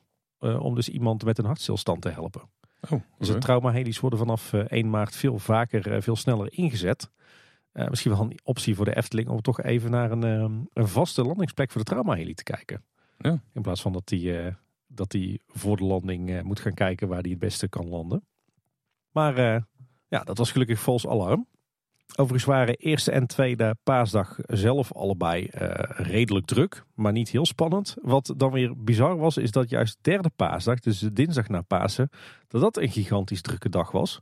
Zelfs zo druk dat je de dag van tevoren al geen, uh, geen tickets meer kon kopen voor het park en ook geen tijdslot kon reserveren. En dat is volgens mij sinds corona nooit voorgevallen. Ik uh, kan me ook niet herinneren, nee, daarna. Nee. nee. Ik begreep op de dag zelf dat je toen wel weer tickets kon kopen. Maar ja, dat, van tevoren is dat dus dichtgezet. En uh, ook wel begrijpelijk, want uh, die dinsdag was het echt extreem druk in het park. Overal extreem lange rijen bij attracties, vaak tot, uh, tot anderhalf uur toe zelfs. het park is uiteindelijk ook een uur langer open gebleven dan de bedoeling was, namelijk tot acht uur. Het was ook weer een turbulente dag, want ik geloof dat twee keer de brandweer is uitgerukt naar de Efteling voor een brandalarm bij uh, zowel Vogelrok als, uh, als Piranha. Dus het, uh, het, was een turbulente Pasen in de Efteling. Zo, dat is ook een beetje classic eigenlijk hè? Ja, wel, wel goed voor de bezoekerscijfers denk ik. Vast en zeker ja. Druk zat de laatste dagen. Niet goed voor de milieuvergunning. Gauw door Tim, er staat weer water in Archipel. Er zijn ook bordjes toegevoegd die waarschuwen voor de waterdiepte. Binnenkort weer open als waterspeeltuin. Ja, ja en op zich zie je dat ook wel vaker in waterspeeltuinen. En dat er wordt gewaarschuwd voor de waterdiepte. En ook eh, wat horeca nieuwtjes. Op steeds meer plekken in het park eh, hadden we natuurlijk de schitterende sandwichborden staan. Ja, er is zelfs een fanaccount van, toch? Zeker. Maar die uh, lijken langzaamaan te gaan verdwijnen. In ieder geval een deel daarvan. En uh, te worden vervangen door permanente signing. Op meerdere plekken in het park hadden we al van die stalen borden. Waar volgens mij laatst ook aangehaald. Waar dan wat, wat opgemeld wordt over hetgene wat net belangrijk is. Die horeca gerelateerde borden worden nu op heel veel plekken dus vervangen. Op sommige plekken nieuwe metalen palen neergezet met daar die schildjes op en dan de ruimte voor de promotie erin. Die zal ook wel kunnen variëren, maar Ja. ziet, er, ziet er heel goed uit. Oh, met een uh, themasausje. Ja. En wat ook gestandaardiseerd wordt, zijn de bordjes verboden te eten en te drinken. Daar vonden we natuurlijk in het park ontzettend veel verschillende van. Allemaal in andere, andere stijlen uit andere jaargangen. En uh, gek genoeg, de afgelopen weken zijn heel veel van die bordjes vervangen door één standaard simpel bordje. Gewoon een, een cirkeltje met erin een verbodsbord met alleen maar pictogrammetjes. In overal dezelfde huisstijl. Ja, nou en dan ook nieuws vanuit Polles Keuken. Want de vorige keer was het al een beetje te speculeren. Hoe gaat het nou met de seizoenspannenkoeken? Dat weten we inmiddels. Er zijn weer twee varianten. Een hartige pannenkoek. En dat is een pannenkoek met meegebakken in stukjes gesneden witte asperges. Daar liggen dan plakjes gesneden gekookt ei op. En rucola en pasham. Dat is gerookte rauwe ham. Mm. De zoete pannenkoek die heeft uh, ook een creatieve basis. dat bestaat namelijk niet uit één soort beslag, maar uit twee soorten beslag. Je hebt namelijk een gewoon beslag en erin maken een soort van drizzle. Dus ja, een beetje een spiraalvormige drizzle van chocoladebeslag daar weer in. En die bakken ze dan als geheel. En er wordt dan ook persik nog in meegebakken. En daarbovenop komt een eetbaar bakje, zo'n koekbak weet je wel, gevuld met de Turkse yoghurt en mandarijn en dessertsaus, granaatappelpitjes en een sinaasappelschijfje. En die pannenkoek wordt dan versierd met witte chocoladekrullen. Mm. Die klinkt toch wel aardig. Maar helaas Tim, de allerpopulairste seizoenspannenkoek ooit, ja. die uh, is verdwenen. Ja. De kleine boodschap pannenkoek is weg. Ja, de schrobbelair special inderdaad. Helaas. Die was wel echt heel goed joh. Oh. En uh, ook goed voor iedere dag een vermelding uh, op social media. Ja, nou. Het hoeft geen special te zijn, hè? Hij mag gewoon standaard op de kaart staan. Ja, goeie. Heeft niemand problemen mee. Nee, precies. Ik begreep trouwens ook dat de iced latte, dus de, de ijskoffie, ook terug is bij Polles Keuken. Tim, helemaal happy. Precies. Pannenkoeken en ijskoffie, wat wil je nog meer? Misschien willen de luisteraars wel merchandise nieuws. Nou, dan zijn ze hier ook helemaal op de juiste plek. Want er is wel wat merchandise nieuws te melden. Blijkbaar is 22 april Record Store Day. Die bestaat toch helemaal niet meer? Ik heb daar nog nooit van gehoord. Niet de Free Record Shop, hè? dat is wat anders. Oh ja. Uh, record stores zijn weer helemaal hip, Tim, tegenwoordig. Wel de afgelopen vijf jaar, weet ik veel. Maar de Efteling die gaat daar uh, in ieder geval een graantje van meepikken. Want die gaan een eigen LP uitbrengen. Gewoon een Kijk. classic vinylplaat. Ja, ja, ja. Die gaat heten Wonderlijke Klanken. En die gaat, voor zover we weten, zonder um, beperkte oplagen verkrijgbaar zijn in Efteldingen. Misschien wordt die zelfs wel bijgeperst als hij heel populair blijkt. En het gaat dus uh, over een LP die 25 euro gaat kosten, waarop 16 tracks te beluisteren zijn.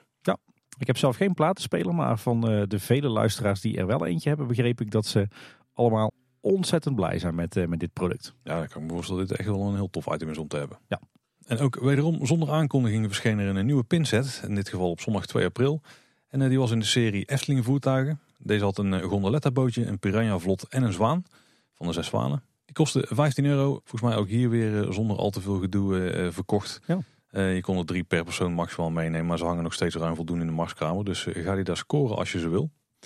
Uh, en je zou dan denken van, nou, met al die mooie wijzigingen in het beleid rondom de pins, zal de merchandise afdeling hun verstand helemaal op de juiste plek hebben zitten.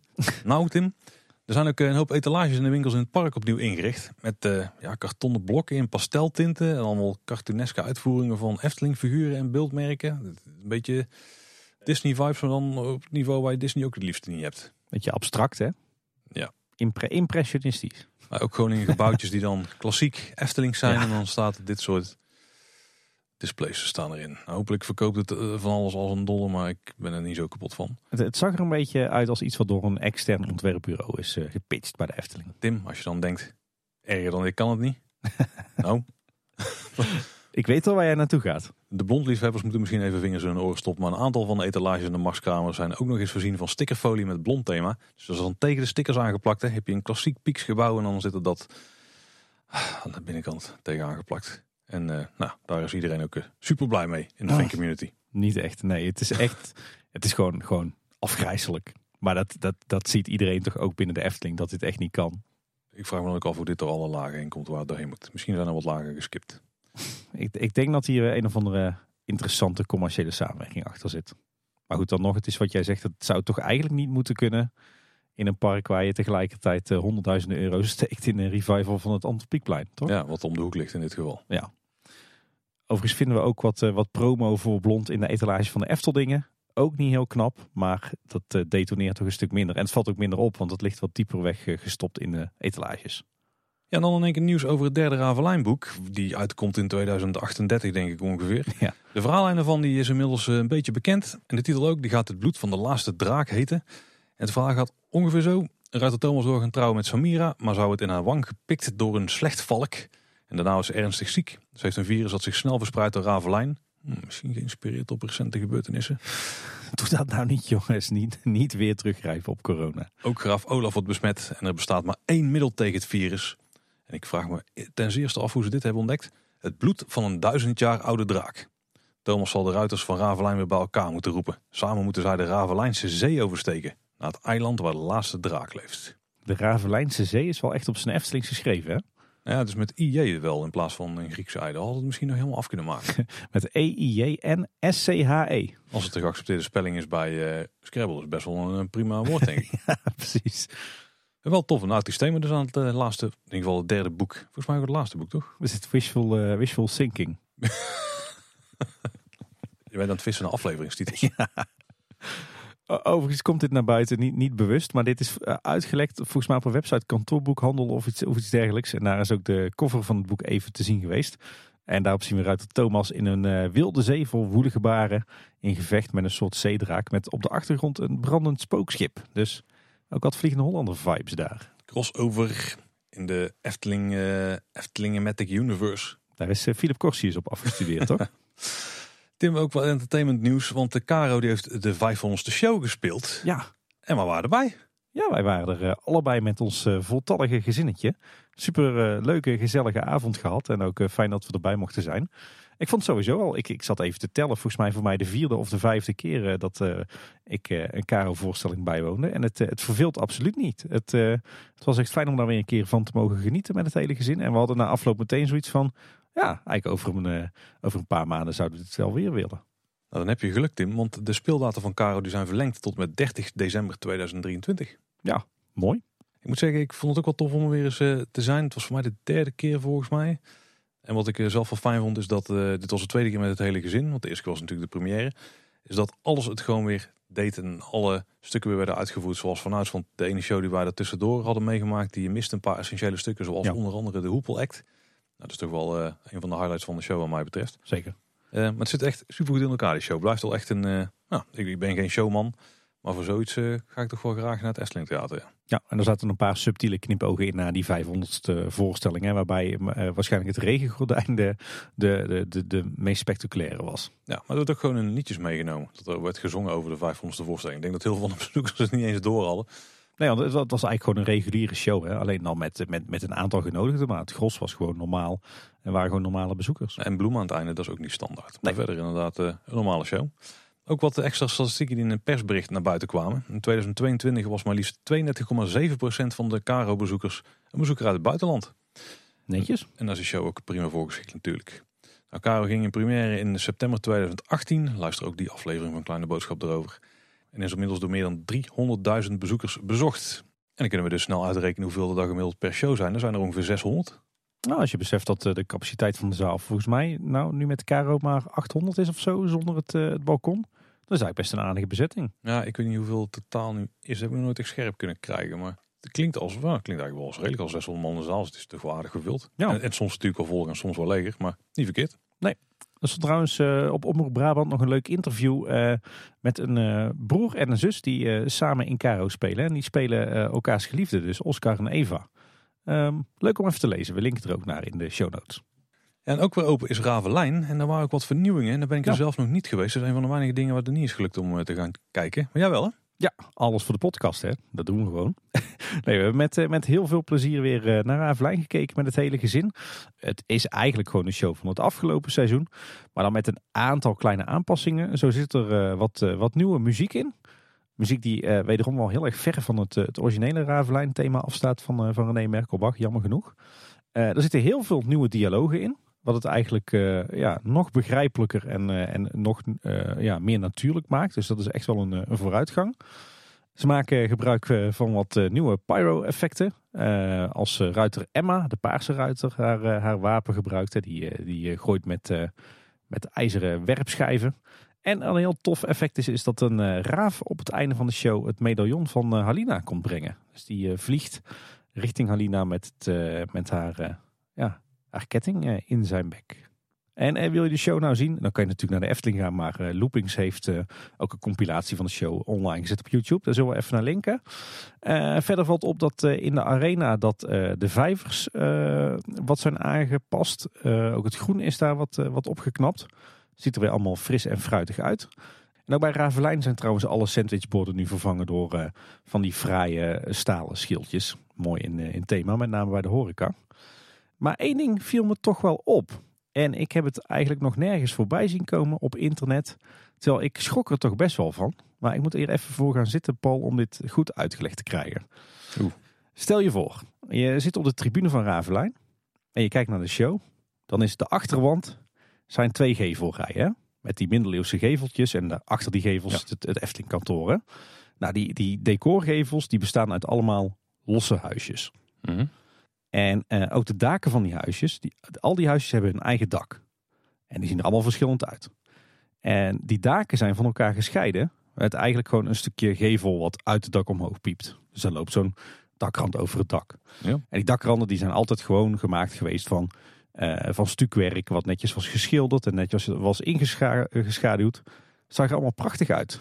Maar wat hebben ze nou de afgelopen winter gedaan? Dan hebben ze al die opstaande dakranden tussen de verschillende decordakjes hebben ze ingepakt in een soort van zwarte folie of zwarte dakbedekking. eh, voorzien van ventilatieopeningen, dus het is echt definitief. Waarschijnlijk in verband met vochtproblemen of zo. Vocht wat via die, die muurtjes naar binnen trok of zo. Mhm. Eh, maar het ziet er al heel lelijk uit. Terwijl die gevel, die decorgevels daar van Ravelijn zijn natuurlijk prachtig. Maar nu heb je dus tussen ieder dakvlak van die lelijke, moderne, zwarte dakbedekking. Heel lelijk. Ja, dat klinkt niet echt goed. Nee.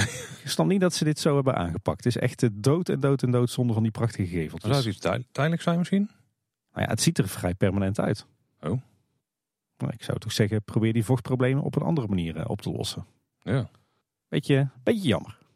Hey, en nog meer eh, entertainment nieuws. Nou ja, sowieso is eh, op het moment van opname de allerlaatste opvoering van Efteling in Concert geweest. Hè. 12 april was de laatste in, in Den Bosch.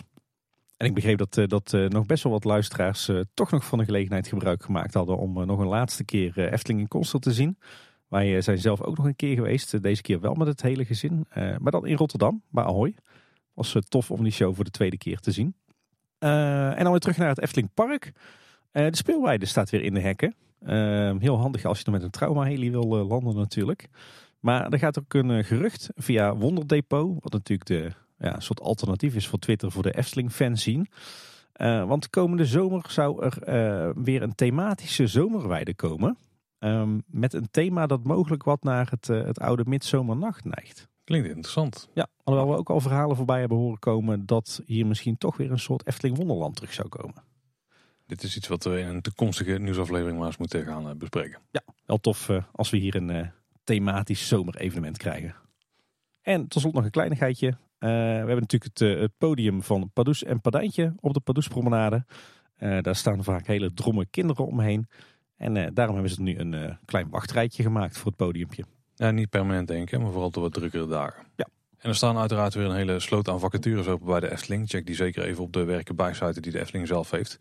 Maar ken je toevallig een begaafd timmerman? Die zoeken ze eentje bij de Efteling. Nou, die kunnen ze ook wel gebruiken voor alle werkzaamheden in Ja. het park. En die kan alle mooie onderhoudspuntjes die Tim op het dan ook oplossen. Dus, eh, nou, dus we kunnen er een gebruiken, laat daarop houden. Dus ken je iemand die daar eh, misschien eh, als droombaan heeft? Ik kan me best voorstellen dat het een diverse baan is als je het bij de Efteling uitvoert. Dan eh, check de vacature. Ik ken denk ik ook wel wat creatievelingen onder onze luisteraars. Die, waarvan een aantal ook heel begaafd kunnen timmeren. Dus Hm. wie weet. En wat ik heel tof vind is dat, dat iemand een introductievideo voor personeel online heeft gezet op YouTube. Eh, en dan zou je zeggen, leuk kijkje achter de schermen. Maar wat is nou het leuke? Het is een introductievideo uit 1998. De tijd van de videobanden. Eh, en het is echt hilarisch om die terug te zien. Ik heb die dus zelf nog niet kunnen checken, maar ik ben wel benieuwd, ja. Moet je echt doen. Je krijgt echt, eh, nou ja, sowieso wat, eh, wat tenenkrommende lessen op het gebied van gastgerichtheid. Maar ook al wat toffe beelden van achter de schermen. Onder meer van een uitdruk van de Efteling brandweer en een kijkje in de meldkamer. Eh, maar eh, ja, gewoon eh, superleuk om die tijdsgeest van de jaren negentig weer eens te zien. Staat online op YouTube en we gaan dan linken in de show notes. We hebben nog een reactie van een luisteraar die we willen behandelen. Namelijk een vraag die we kregen van Bart van Loon. En vrees niet, we hebben inmiddels lang antwoord gegeven op zijn vraag. Maar wel belangrijk om deze nog even aan te halen, vinden wij. Dag heren, ik luister nog steeds met veel plezier naar jullie podcast. Ondertussen heb ik ook een abonnement op de Efteling en ben ik minstens één keer per maand in het park. Ik kom steeds met de auto vanuit Antwerpen, maar, maar nu het beter weer wordt, overweeg ik om de afstand te overbruggen met mijn Speed Pedelec. Wat, wat is dat, Tim? Het is eigenlijk een hele snelle e-bike. Een hele snelle e-bike. Dus... bijna een racefiets op uh, elektriciteit. Dus een chique elektrische fiets. Een chique, snelle, sportieve elektrische okay, fiets. Okay, ja. Ik ben nog niet aan de fietsstalling gaan kijken, maar op de foto's ziet het er zeer oud uit. ja. Het zijn allemaal lage fietsrekken die niet geschikt zijn voor elektrische fietsen en zeker niet voor speed pedelecs. Om voor de verzekering in orde te zijn moet mijn fiets vastgemaakt zijn aan een vast punt. En dit is lastig met zulke lage fietsrekken. Als je je als bedrijf wil uiten als klimaatbewust, dan is proberen jezelf ervan af te maken met de fietsstalling uit de jaren 90 toch een beetje triest. Nu de vraag, is de fietsenstalling veilig genoeg om een fiets achter te laden? En is er buiten de fietsenstalling nog een mogelijkheid om een batterij op te laden? Ik heb namelijk 6 uur aan oplaadtijd nodig om terug naar huis te kunnen keren. Groeten Bart van Loon. Nou, hij haalt eigenlijk één groot punt dus aan. Nou, laten we misschien eerst een vraag even behandelen. Is, het, uh, is de fietsenstalling veilig genoeg om zijn fiets achter te laden? Ik zou daar never nooit niet een hele dure elektrische fiets uh, uh, stallen op dit moment. Nee, zou ik uh, ook niet doen. Zeker niet, uh, nou, vraag ik met name omdat er geen toezicht is, want anders is de fietsstalling namelijk wel geschikt. Ja, ja nou ja, de, de, en er is geen, al heel lang geen, geen personeelslid meer wat daar toezicht houdt. En nu hebben ze laatst ook nog het, het tijdelijke cameratoezicht weer weggehaald. Dus ja, je staat daar eigenlijk gewoon in een griebus stukje Efteling, wat echt gewoon aan de openbare weg ligt met nul toezicht. Ja, wij gaan ook geregeld met, uh, met de elektrische fiets uh, naar de Efteling. Maar goed, wij kunnen onze fietsen wel met een ketting vastmaken aan, uh, aan de fietsenrek. En die zijn ook iets minder kostbaar dan een echte speedpedelec. Maar nee, ja, het is eigenlijk gewoon een fietsenstalling met geen enkele vorm van toezicht. Wat wel heel raar is als je bedenkt dat je als Efteling toch juist hard maakt om zoveel mogelijk bezoekers uit de auto te krijgen in de fiets. Of op de fiets. Het is volgens mij ook nog zo dat de oplaadpunten die er zijn, die staan op punten waarbij je fiets verder nergens aan vast kunt leggen. Gewoon tegen een kale muur. Zonder uh, ja, een plek om je fiets aan te verankeren of zo. Dus dat helpt dan ook niet echt. Waarbij ik ook twijfel dat er überhaupt uh, elektriciteit uit de stopcontacten komt. Want misschien dat die van binnenuit geregeld worden door een schakelaar uit het hokje. Ja, nou, misschien nog wel. Maar, het, maar de vraag is dan ook, kan je je accu opladen terwijl die nog op slot zit in je fiets? En kan je dan je fiets daar zo neerzetten dat die ook nog op slot kan? Want je wil natuurlijk ook niet je accu uit je fiets halen die daar aankoppelen in het stopcontact en dan onbeheerd achterlaten zes uur. Want dan weet je ook dat die weg is. Dat is best een goed punt. Ja, ligt ook nog uh, aan de fiets. Ja, nou, dus, dus ook dat is al wel een soort van belemmering. Uh, ja, en is er dan een alternatief? Die zou ik zo niet weten eigenlijk. Ja, misschien een vriendelijke uh, iemand uit de buurt of zo. Ja, je mag hem bij ons in de achtertuin zetten. Maar.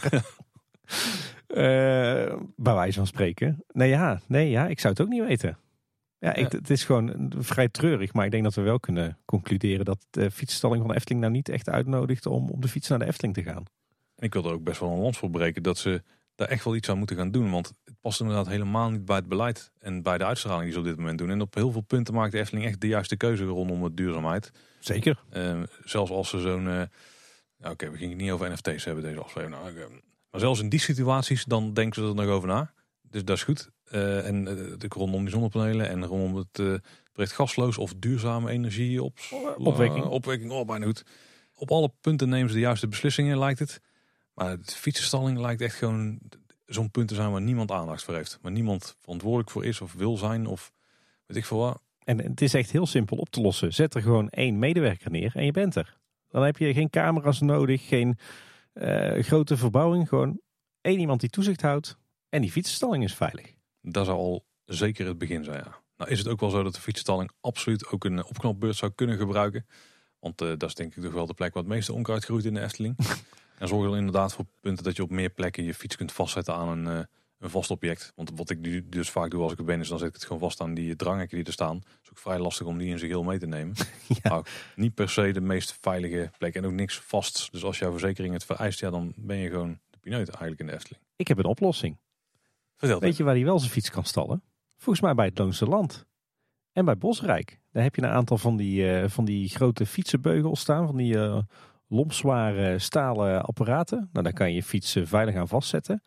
En volgens mij, maar dan moet ik het even uit mijn hoofd doen, zitten daar ook wat stopcontacten bij. En anders denk ik dat je misschien ook wel binnen achter de receptiebalie je accu kan opladen. Dat is best een aardige optie, ja. Het is proberen waard misschien, eh, Bart. Misschien als je vertelt dat je helemaal vanuit eh, Antwerpen gefietst komt, eh, dat je wel wat, wat een, een gunfactor hebt, zo gezegd. Ik denk dat voor de Efteling inderdaad met beperkte middelen, en zeker als je ziet hoe, hoe financieel goed het weer lijkt te gaan met het bedrijf. Dit is toch wel een van die puntjes die je zou moeten mee kunnen nemen. Zeker in, de- in de aanloop naar een nieuwe milieuvergunning, of, of wat dan ook gaat gebeuren op dat punt. Ja, je wil wel gewoon dat dit stukje op orde is, zodat het voor niemand een reden is om niet op de fiets naar de Efteling te komen. Dan, dan nog liever één iemand minder achter de balie bij de gastenservice of één iemand minder eh, in de crowd control op het, eh het Dwarrelplein. Eh, en die dan maar in de fietsenstalling zetten, want ja, daar, is- daar is diegene veel harder nodig. Ja. Ja. Ja, en verder zijn we de, de afgelopen dagen weer bedolven onder heel veel super interessante, leuke vragen. Ja, deze aflevering is al redelijk uitvoerig, dus die bewaren we voor een aantal volgende nieuwsafleveringen. En mocht het nodig zijn, dan maken we gewoon weer een extra aflevering met vragen van luisteraars. Zeker. Dus blijf ze vooral sturen. Hè? Ik denk, zijn we bij en dan nog dit aangekomen. Ik heb eigenlijk eerlijk gezegd niet zo heel veel te melden. Disneyland Parijs was eh, helemaal top natuurlijk. Ja, dan ook bijzondere dingen gezien of meegemaakt daar. Nee, eigenlijk, eh, eigenlijk niet, want er gebeurt niet zoveel. Nou, het meest bijzondere was tegelijkertijd toen wij er waren, was die eh, persconferentie. Waarbij ze echt totaal niks nieuws hebben aangekondigd. Echt. Dat je daar mensen voor durft op te trommelen om dat soort dingen bekend te maken. dat is echt schandalig. Nou ja, mijn Twitter-timeline explodeerde, maar dat was dan vooral met niks. Ja, ik, ik heb één eh, Twitter-account in de gaten gehouden. Want dat was de enige manier hoe ik het snelste eh, allemaal kon binnenkrijgen. Maar dat ging, eh, nou ja. Als je mensen blij moet maken met een nieuwe concept art van een hotel waarvan je eigenlijk al weet hoe het eruit gaat zien. En een nieuwe foto-achtergrond of zo. Volgens mij, als ik die omschrijven, was van... Je weet, de verwachtingen zijn al niet zo hoog. En zelfs daar gaan ze dan nog onder zitten. Nou, dat doet onze Efteling dan toch honderd keer beter. Nee, die houden gewoon niet zo'n event. Die slingen gewoon een, hele sloot aan blogberichten de wereld in. Die eigenlijk veel interessanter zijn dan dat een paar mensen dat bij een diner staan te vertellen op een podium. Oké. En ben, je- ben je nog in studio's geweest of alleen in het kasteelpark? Nee, beide. Ik heb wel Avengers Campus voor het eerst eh, gedaan. Dus ik heb eh, met Spierpijn ben ik uit de Spider-Man attractie gelopen, die wel aardig is. En Flight Force, ja, is gewoon rock roller coaster, maar dan met wat schermen erin. Ook wel leuk. Wel, wel eh, mooi aangekleed en daar wel een leuk contrast tussen eh Flight Force dan heel erg clean allemaal opgebouwd. Terwijl Webslingers, dus volgens mij die andere attractie, die is dan weer heel erg eh, industrieel en een beetje smerig en zo opgebouwd. Wel een geinig contrast in dat gebied, maar was wel aardig. Het hoofdpark is wel waar we de meeste tijd hebben doorgebracht. Disneyland Parijs voor jou eh, na de Efteling een favoriete pretpark? Iedere keer als ik kom, dan stijgt hij weer wat. Ja. Dus je staat nou wel eh, vrij eh, fors op plek 2. Ja. Maar het is wel echt een plek 2. Heb je nog over de, over de bouwschutting geloerd bij Frozen?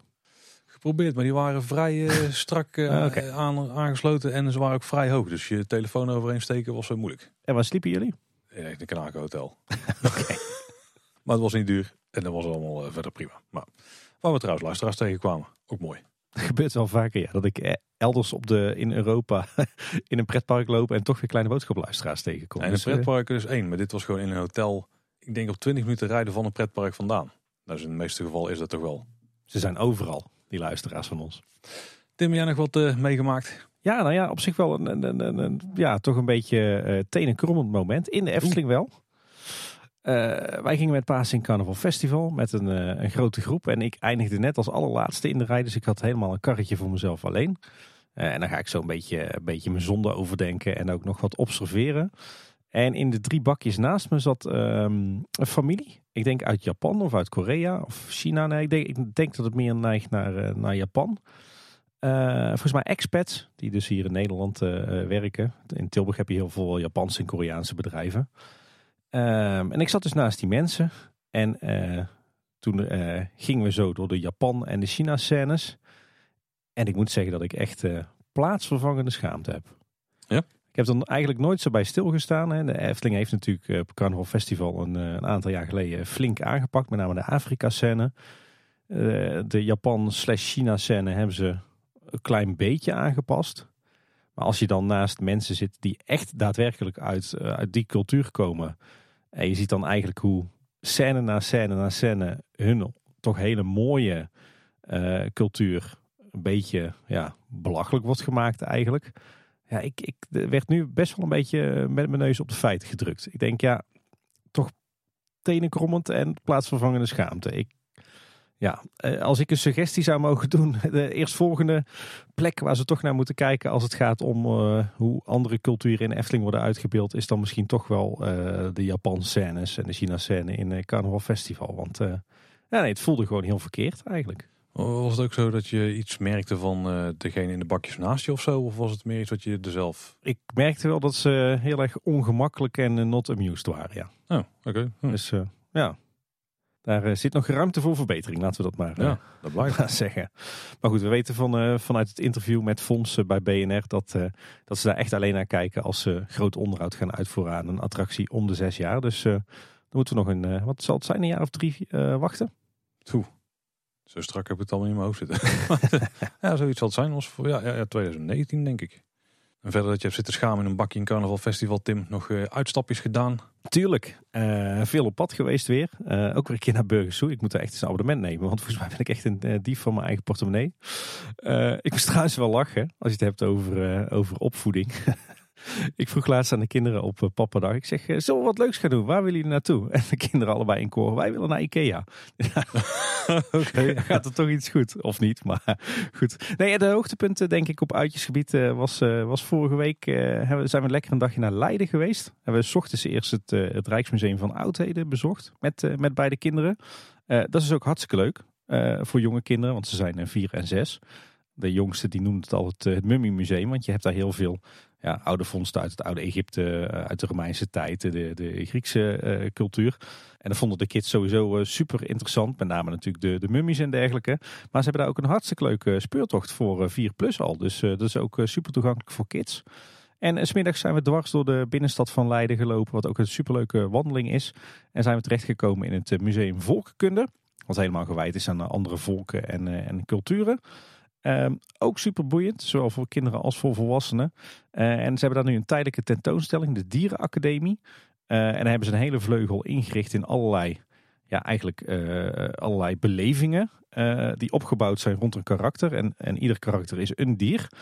En dan zoeken ze eigenlijk een, een cultuur die past bij dat dier. En heel spelenderwijs aan de hand van allerlei leuke opdrachtjes uh, en, en, en visuele effecten en, en nou, echt allerlei trucjes halen ze uit de kast. Maken kinderen dus spelenderwijs kennis met allerhande culturen over de hele wereld. Echt super goed gedaan. Echt heel gaaf, heel interactief, mooi vormgegeven.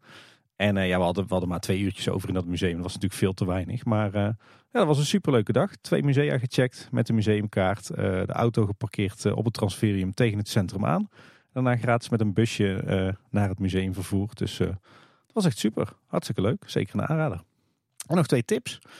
Een restauranttip in Kaatsheuvel. Zo. We hebben, we hebben, ik wou zeggen laatst, maar een tijdje geleden natuurlijk al een aflevering gemaakt met tips uh, voor leuke dingen om te doen in de omgeving van de Efteling. Maar er is een tijd terug een nieuw restaurant geopend in Kaatsheuvel, Mevlana. nou, de mensen die hier in de buurt wonen, die kennen Mevlana waarschijnlijk van het, het thuis bezorgen van pizza's en Turks eten. Maar ze hebben ook een uh, superleuk Turks restaurant in Hartje Kaatsheuvel. En uh, daar kan je echt ontzettend lekker uh, Turks eten. In, in een gewoon een hele toffe, laagdrempelige, licht exotische Turkse sfeer. Maar echt prima eten tegen hele scherpe prijzen en een superleuk sfeertje. Dus als je eens een keertje lekker over de grens wilt eten, dan, uh, dan kun je daar zeker terecht. En uh, je kan daar veel meer krijgen dan, uh, dan de gebruikelijke zwarma en, en dunner en dergelijke. Dus ja, best een eettip als je na een dagje Efteling is wat anders wil eten. Goeie. En tot slot nog een kijktip, wederom op Netflix, The Defeated. een serie die zich afspeelt in het Berlijn van 1946. Dus in de chaos van net na de Tweede Wereldoorlog. Met al wel de opdeling van de stad in vier sectoren. Het gaat over politiemensen en, en dingen die ze meemaken in Berlijn. Uh, allemaal prachtig in beeld gebracht met prachtige decors en, en kleding. En, en helemaal ook weer mooi in dat tijdsbeeld. Wat is nou het grappige? Tegelijkertijd is het ook een soort hedendaagse vertelling van Max en Moritz. Dat is superleuk en creatief in elkaar vervlochten. Dus als je wat hebt met storytelling, met sprookjes, met Max en Moritz. Dus uh, Robert Jaap en Monique, let even op. Dan is dit zeker een aanrader. The Defeated op uh, Netflix. En dat is dan weer voor deze aflevering. Wil je nou meer op de hoogte blijven van uh, Efteling nieuwtjes, dan kun je ons volgen op verschillende social media kanalen. En dan kun je ook natuurlijk een reactie sturen of via DM contact opnemen met ons. Als je naar kleineboodschap.com slash volgen gaat, dan vind je alle plekken waar wij op social media te vinden zijn.